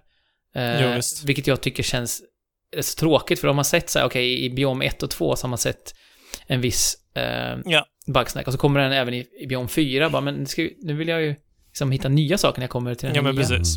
omgivningen. Det är alltid tråkigt. Eh, men, uh, alltså, jag förstår ju att lättillgänglighet, varför lättillgängligheten eh, finns där och varför de har valt att eh, gå med lättillgängligheten eftersom att, som sagt, att fånga bugsnacks är nödvändig, nödvändigtvis inte en stor del av upplevelsen. Och om du då ska, alltså, om du vill, om du tycker att det är kul, så, alltså, det är öppet för dig att välja precis att göra hur du vill Mm. när det kommer till, till det. Eh, och vad tänkte jag komma? Jag tänkte väl komma till någon, någon typ av slutsats att det inte spelar så stor roll. Nej. Att det, det är så lättillgängligt. Mm. För ibland så måste du hitta en specifik snack, bugsnack. Eh, och ibland så, dyk, så är de bara framme en viss tid under dagen eh, eller en viss tid under månaden. Liksom. Det finns, det finns bugsnack som är sällsynta. Mm. Men eh, naturligtvis vore det ju roligare om det var en lite mer upptäcktskänsla. Mm. Ja, men Det här är mer som att, som du säger, gå på zoo typ. Jag tror det är eh, nya- kärnan i det hela överlag för mig, att jag hade, jag hade sett framför mig ett spel där eh, knasigheten stod i centrum, och det gör det ju onekligen liksom. Jo, men, det gör det. Eh, men, men kanske lite på ett annat sätt än vad jag hade tänkt. Och, eh, men också där så här, åh, jag får färdas i en värld och jag får upptäcka de här figurerna. Att det var det som var upplevelsen. Mm. Eh, men det är ju inte det. Och det, det liksom eh, gör mig besviken. Och jag hade önskat lite annorlunda av spelet. Samtidigt så tycker jag ju om Mm. spelet. Alltså det är ju onekligen ett bra spel som man borde spela om man är nyfiken. Och, och överlag så slutar det definitivt på plus för mig. Men jag tror att min, mitt totala intryck baserat på det här med logikpussel och baserat på det här med bristen på utforskande blir nog svalare än ditt tror jag, Fabian. Ja. Eh, nej, men det förstår jag om du inte uppskattar mm, halva, vad halva delen av eh, spelet är. Eller eh, en så pass stor del av spelet. Ja, men samtidigt som, Är som sagt, alltså bara det att så här, röra sig i miljöerna och höra musiken. Musiken är fantastisk, Ja. inte minst huvudtemat Ja, som verkligen. återkommer i massa olika versioner. Och, och då menar jag inte Bugsnacks-låten, för Nej. den finns faktiskt inte med i spelet förrän i, när eftertexten rullar. Det är första gången man hör den i Ja. spelet. Eh, utan det är ett annat huvudtema som är jättesnyggt och det är väldigt mycket synt-baserat, vilket jag gillar. Mm. Eh, och det är väl så här, Philbus theme är ju också kanonbra liksom. Och ja, det är så otroligt Ja, det är jättebra musik. stämningsfullt och, och så. Men så måste jag också säga att, jag vet inte hur du upplevde det, för du spelar på PC Fabian va? Ja. För jag spelar på PS4 eh, Base liksom. Och Mm. det var ganska stora problem med eh, frame drops och speciellt till exempel när man är på ett snöigt berg, då, då nästan Ja, okej. chaggar det fram emellanåt i vissa Okej. sekvenser. Ja men Jesper, de vill ju att du ska uppgradera till Playstation 5 nu ju. ja, jag kan inte få tag i en, det är det värsta. Just det, är ju den Eh, detaljen. Ja. Men, nej men så det tyckte jag var, och sen en annan negativ aspekt också om jag ska fortsätta på det spåret är att jag blev helt tokig på att man inte kunde eh, snabbresa i spelet, fast travela. Men hörni, Ja. jag har en snabb fråga då. Eh, nu, Mm. nu när du Ja. säger eh, fast traveling. Är det alltså en öppen värld och sen så hoppar du... Eller är det något form av hubbområde som hoppar du in Mm, i de här eh, biomerna? Okej. Tänk på, monst- Biomer är ett område. tänk varje Monster Hunter, gamla Monster Hunter. Typ. Ja. Mm, okej. Eh, Du har en by och sen så rör du dig i en korridor och då kommer du till nästa eh, lilla del av världen, hubb liksom. Och sen så rör du dig och så rör du tillbaka. Mm. Och det är också väldigt, väldigt långa laddningstider på PS4. Eh, jag, jag, jag hinner liksom ta upp min telefon och scrolla en stund innan det är dags. Och jag menar, vissa... I början gör det ingenting som vi pratade om igår Fabian. I början är så här, okej jag ska bara gå till en biom och sen tillbaka eh, till hubben, till byn. Men om man ska gå till berget, som dessutom har två nivåer med laddningstid emellan, och sen ska man ner Mm. tillbaka till byn, då är det alltså en, två, tre, fyra laddningstider och du kanske bara ska lämna en grej och det Nej. finns liksom inget Ja, sätt precis. att snabbresa mellan där. Och jag förstår inte hur de har resonerat här, för att det är ju inte heller som att, ja men återigen som i Zelda, liksom att du verkligen säger resan är också målet, utan Nej. har du sett den miljön en gång så är det inget nytt att upptäcka där. Nej, Om- utan då är det bara en transportsträcka och jag kan inte förstå hur man inte har lagt, igen, äh, lagt till eh, Nej. fast travel. Eh, det är verkligen så här, det blev verkligen riktigt segt sista tredjedelen av spelet för mig. Ja, alltså, eh, jag gick ju inte fram och tillbaka mer än vad man behöver. Och då blir det ju inte så mycket, men definitivt så var det ju en, eh, ett irritationsmoment där och då. Eh, inte känns för att onödigt, det är liksom- För att, det, ja, för att det, det du behöver göra är att du måste gå igenom en laddningsskärm, sen så tar det ju kanske max 20 sekunder att springa igenom ett område. Mm. Eh, och sen så har du en laddningsskärm till. Men jag menar, sammantaget så är det inte som att det har tagit en väsentlig del av speltiden. Det är väl en, Eh, en mindre detalj, men som sagt, för mig så blir det lite Ja. som att man stackar saker på varandra och då blir det mer så här, en del av den negativa helheten. Och då menar jag inte att negativ helhet i spelet i sig, utan mer bara så här den fyller på en minussida som redan har några, några punkter. Ja, visst. Eh, nej, det hade varit en superenkel sak att bara implementera istället. Eh, att du får välja liksom, vill du gå till den första eller den andra nivån åt, den här, Mm. åt det här hållet liksom. För, för jag tänkte hela tiden att så här, ja men det kommer ju vara ett spel eh, mekaniskt berättigat senare i spelet. Att så här, det är därför. Men det, det finns inte heller riktigt, men... Ja, vi behöver inte fastna vid, vid det allt för länge, men... Men eh, alltså, det finns definitivt saker att bygga vidare på eh, och, och grejer. Eh, men det här har varit en så unik spelupplevelse för mig. Alltså, den här liksom eh, kognitiva dissonanseffekten är ju kanske det, det jag har uppskattat mest i det här spelet. ja. Mm. Eh, och dessutom att det här faktiskt är ett spel. Vi pratar ganska mycket om liksom att potentialen i ett spel för att göra precis vad som helst, att skapa vilken värld som helst, Ja, precis. eh, är väldigt outforskad. ja. Eh, och med tanke på att du kan liksom i spelens värld skapa världar från de vildaste fantasierna. Liksom, det här är ju kanske den vildaste fantasin ja. jag, har, jag har besökt liksom. Mm. Eh, vilket, vilket är ett enormt plus och enormt kudos som, som de ska ha i min bok. Ja. ja Eh, för de lyckas verkligen som- skapa någonting unikt och någonting väldigt, väldigt eget. Mm. Och det väger över alla andra sm- små saker liksom. Jag tycker att det här är ett alldeles förträffligt, unikt spel. Men, Som men Fabian, alla som är lite intresserade eh, borde spela. jag är jättenyfiken på det här spelet av alla anledningar du nu nämner. Men också faktiskt av det som Jesper eh, avskyr. eh, de här logiska pusslen, alltså vad, vad, vad känner du nivån ligger eh, gällande dem? För jag älskar ju sånt i spel. Ja, alltså... Jesper, jag, jag tror ju fortfarande bara att du har dåligt självförtroende och att du, du... Du skulle inte ha några problem om du inte liksom hade den här låsningen. Eh, det är jag helt övertygad om. Och det är någonting vi kanske kan jobba på, eh, du och jag, tillsammans. Co-op eh, hade ju varit toppen alltså. Ja, precis. Ofta så, det är inte, som sagt. Som sagt, det är lite småklurigt ibland. Ibland måste du tänka till, liksom. Eh, och kanske tänka lite, lite utanför boxen. Men i, om du sätter det i relation till liksom pusselspel, det är ju inte någonstans nära The Witness Nej, överhuvudtaget. okej. Liksom. Det är ju kanske 2% av The Witness. Mm. Eller något. Eh, och vad jag tänkte säga också med, med hela den här samlandet av, uh, av Bugsnacks, så struntade jag helt fullkomligt i det så fort jag slut, tappade intresset. Ibland, ibland så stötte jag på en Bugsnack och så här, ja ah, den här vill jag, den här fattar jag inte hur jag ska göra med, så att jag testar att fånga den eh, ändå. Mm. Men så att därför kom det, liksom den samlar... Eller, jag förväntade mig också att det skulle vara mer samlande eh, och mer samlarfokuserat i början av spelet. När det uppenbarade sig. Men jag tycker att det eh, ersattes, eller inte ersattes, men att hela den aspekten liksom sopades åt sidan och ersattes av någonting bättre Hmm. än bara samlande liksom. Mm. Så du har inte fångat alla?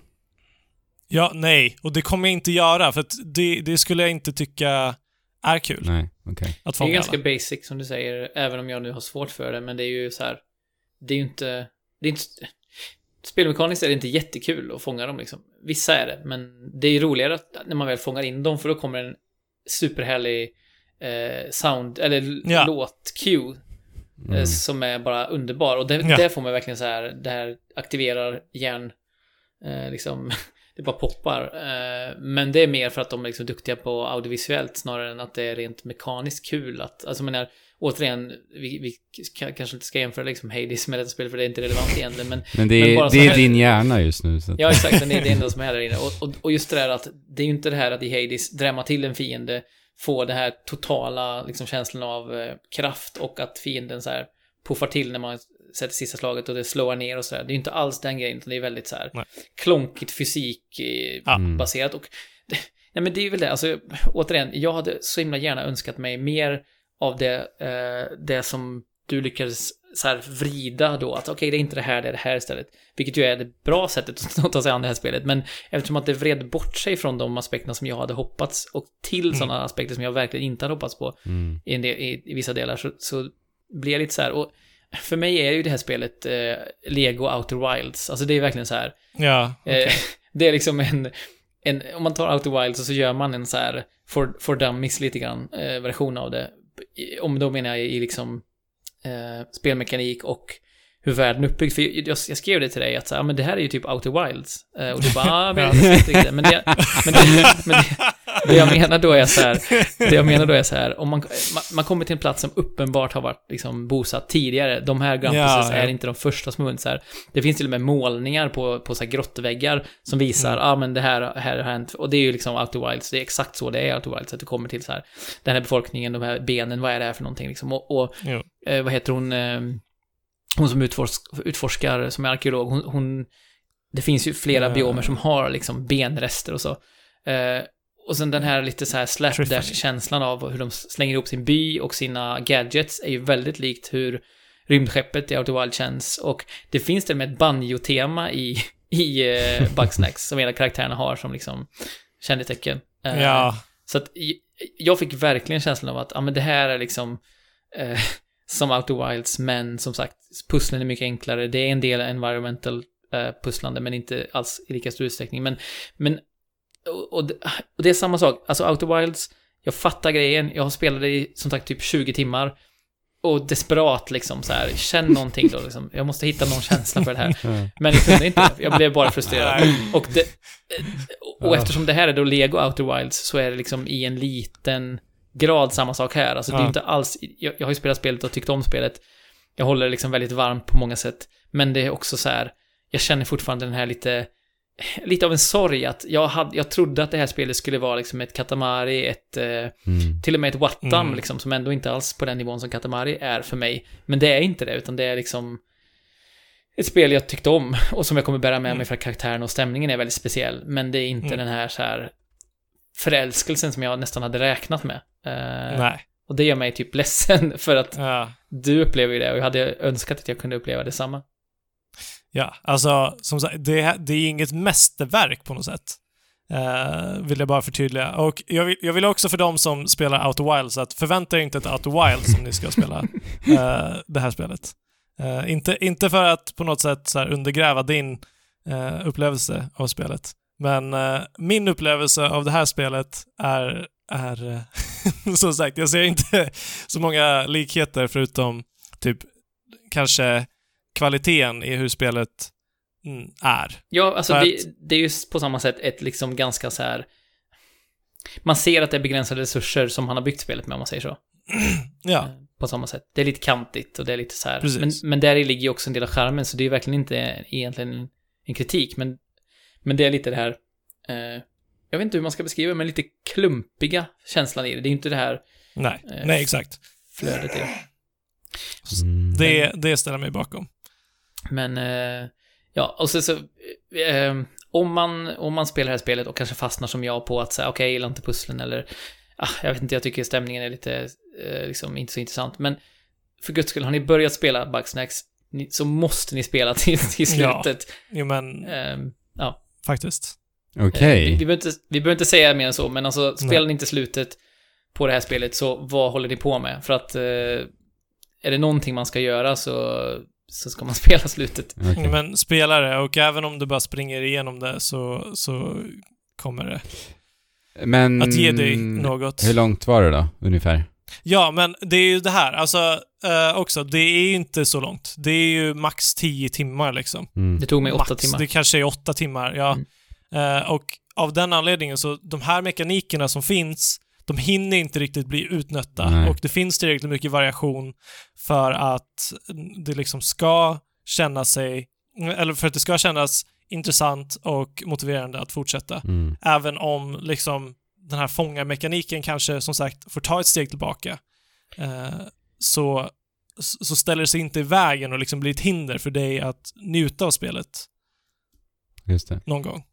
Men det, det, och det, och det Så att- finns ju så här små roliga grejer, till exempel som att du har ju en liten boll, det är ju en, Mm. en strabby, alltså en, en bugsnacks i en liten boll som du kan eh, beordra runt som en liten Mm. mm. radiostyrd grej. Som kan rulla in i, i hålor där du inte kan komma åt och sådär. Återigen, det liknar Ja. lite den här sonden som man hade i, i Out to Wilds. Men, men där kan du också så här Ja. kasta sås på din lilla ja. boll. Och då istället för att i början så får du kasta sås överallt och så här kajta bugsnacksen liksom efter att du kastar pölar av sås på marken. Mm.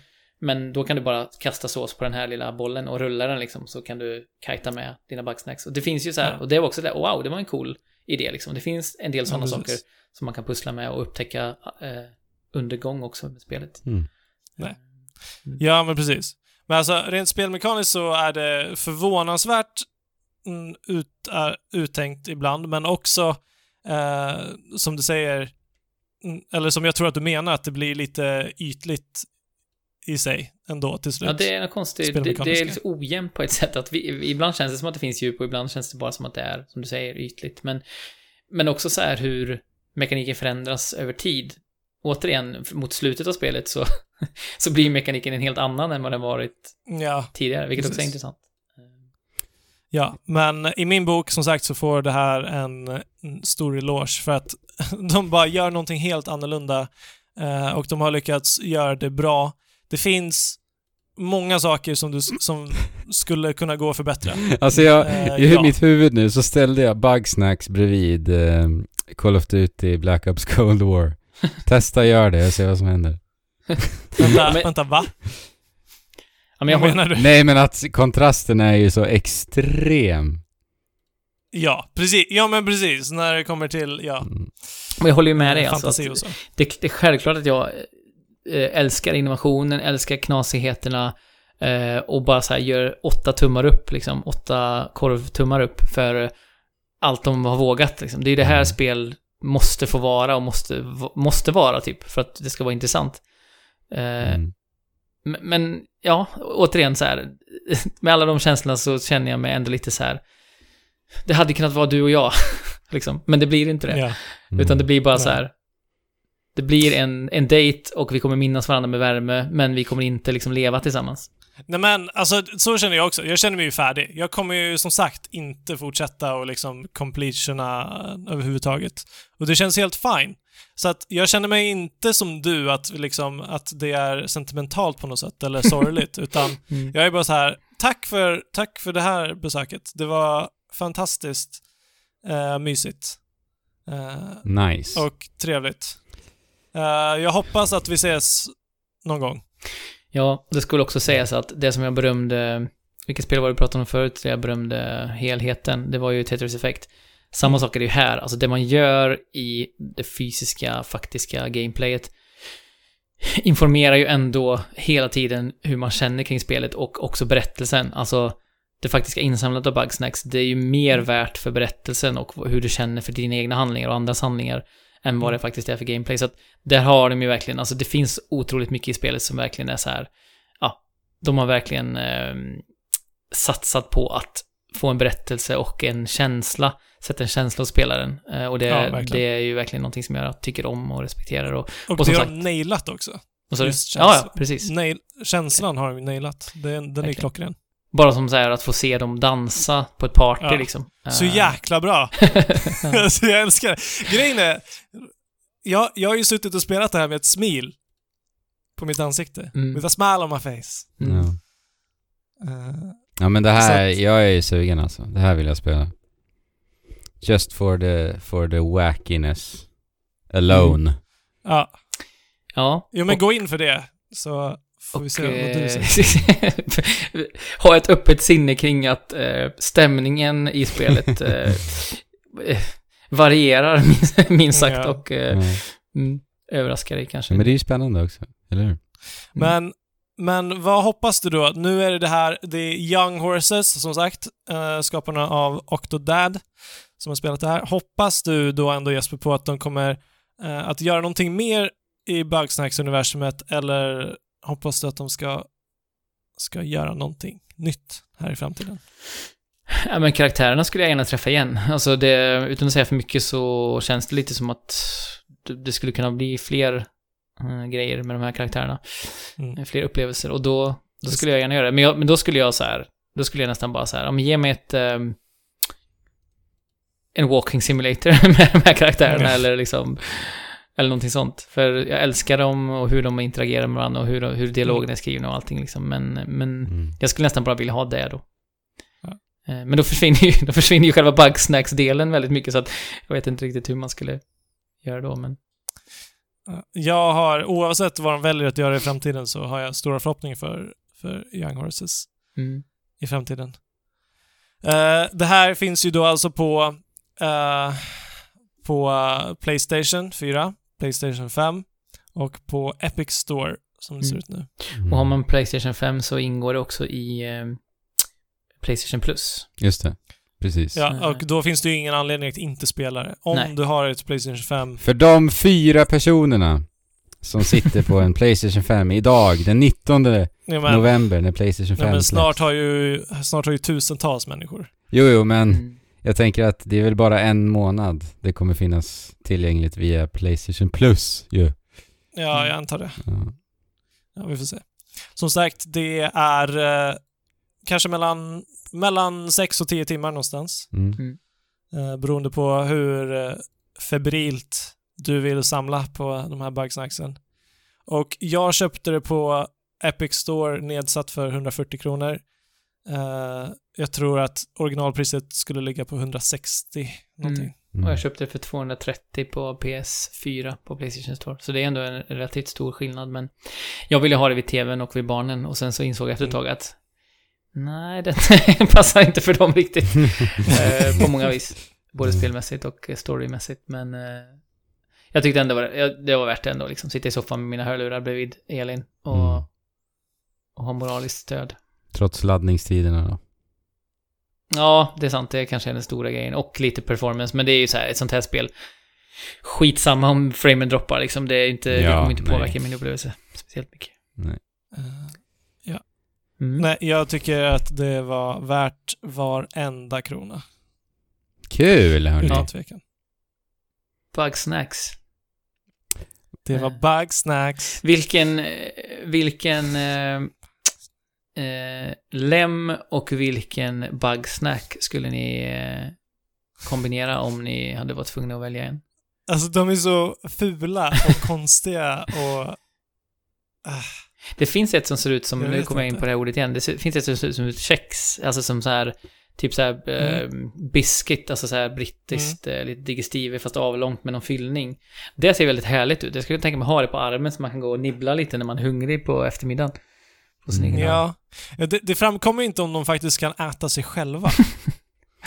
Men jag skulle Eh, vilja ha det är den svävande sushin som en arm. Det känns lite häftigt att ha en uppdelad arm som på något Mm. märkligt sätt ändå tydligen gör en arm.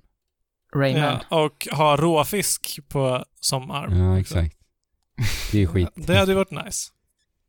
Men jag, jag gillar ju äh, äppelöronen. mm. Gröna är eller röda? nice. Ett grönt och ett rött. Då kanske jag kan, med min sushi-arm så kanske jag kan eh, ansluta mig till ARMS-turneringar också. Det kanske du kan göra. Säkerligen. Mm. Vad skulle det heta då? Oj. Jesper, du kan inte be mig vara kreativ med den här hjärnan alltså. 22.36 eh, på tisdag kväll för er som eh, lyssnar på detta i efterhand. Ja. Vilket alla gör, för det är ingen som sitter med oss live vad jag vet och lyssnar när vi spelar in. Nej, precis. Men ja, jag vet. Nej. din, din hjärna har blivit en bugsnack helt enkelt. En eh, ananas. Mm. Det har den. Och, d- och därmed så kanske Mashed vi ska Pineapple.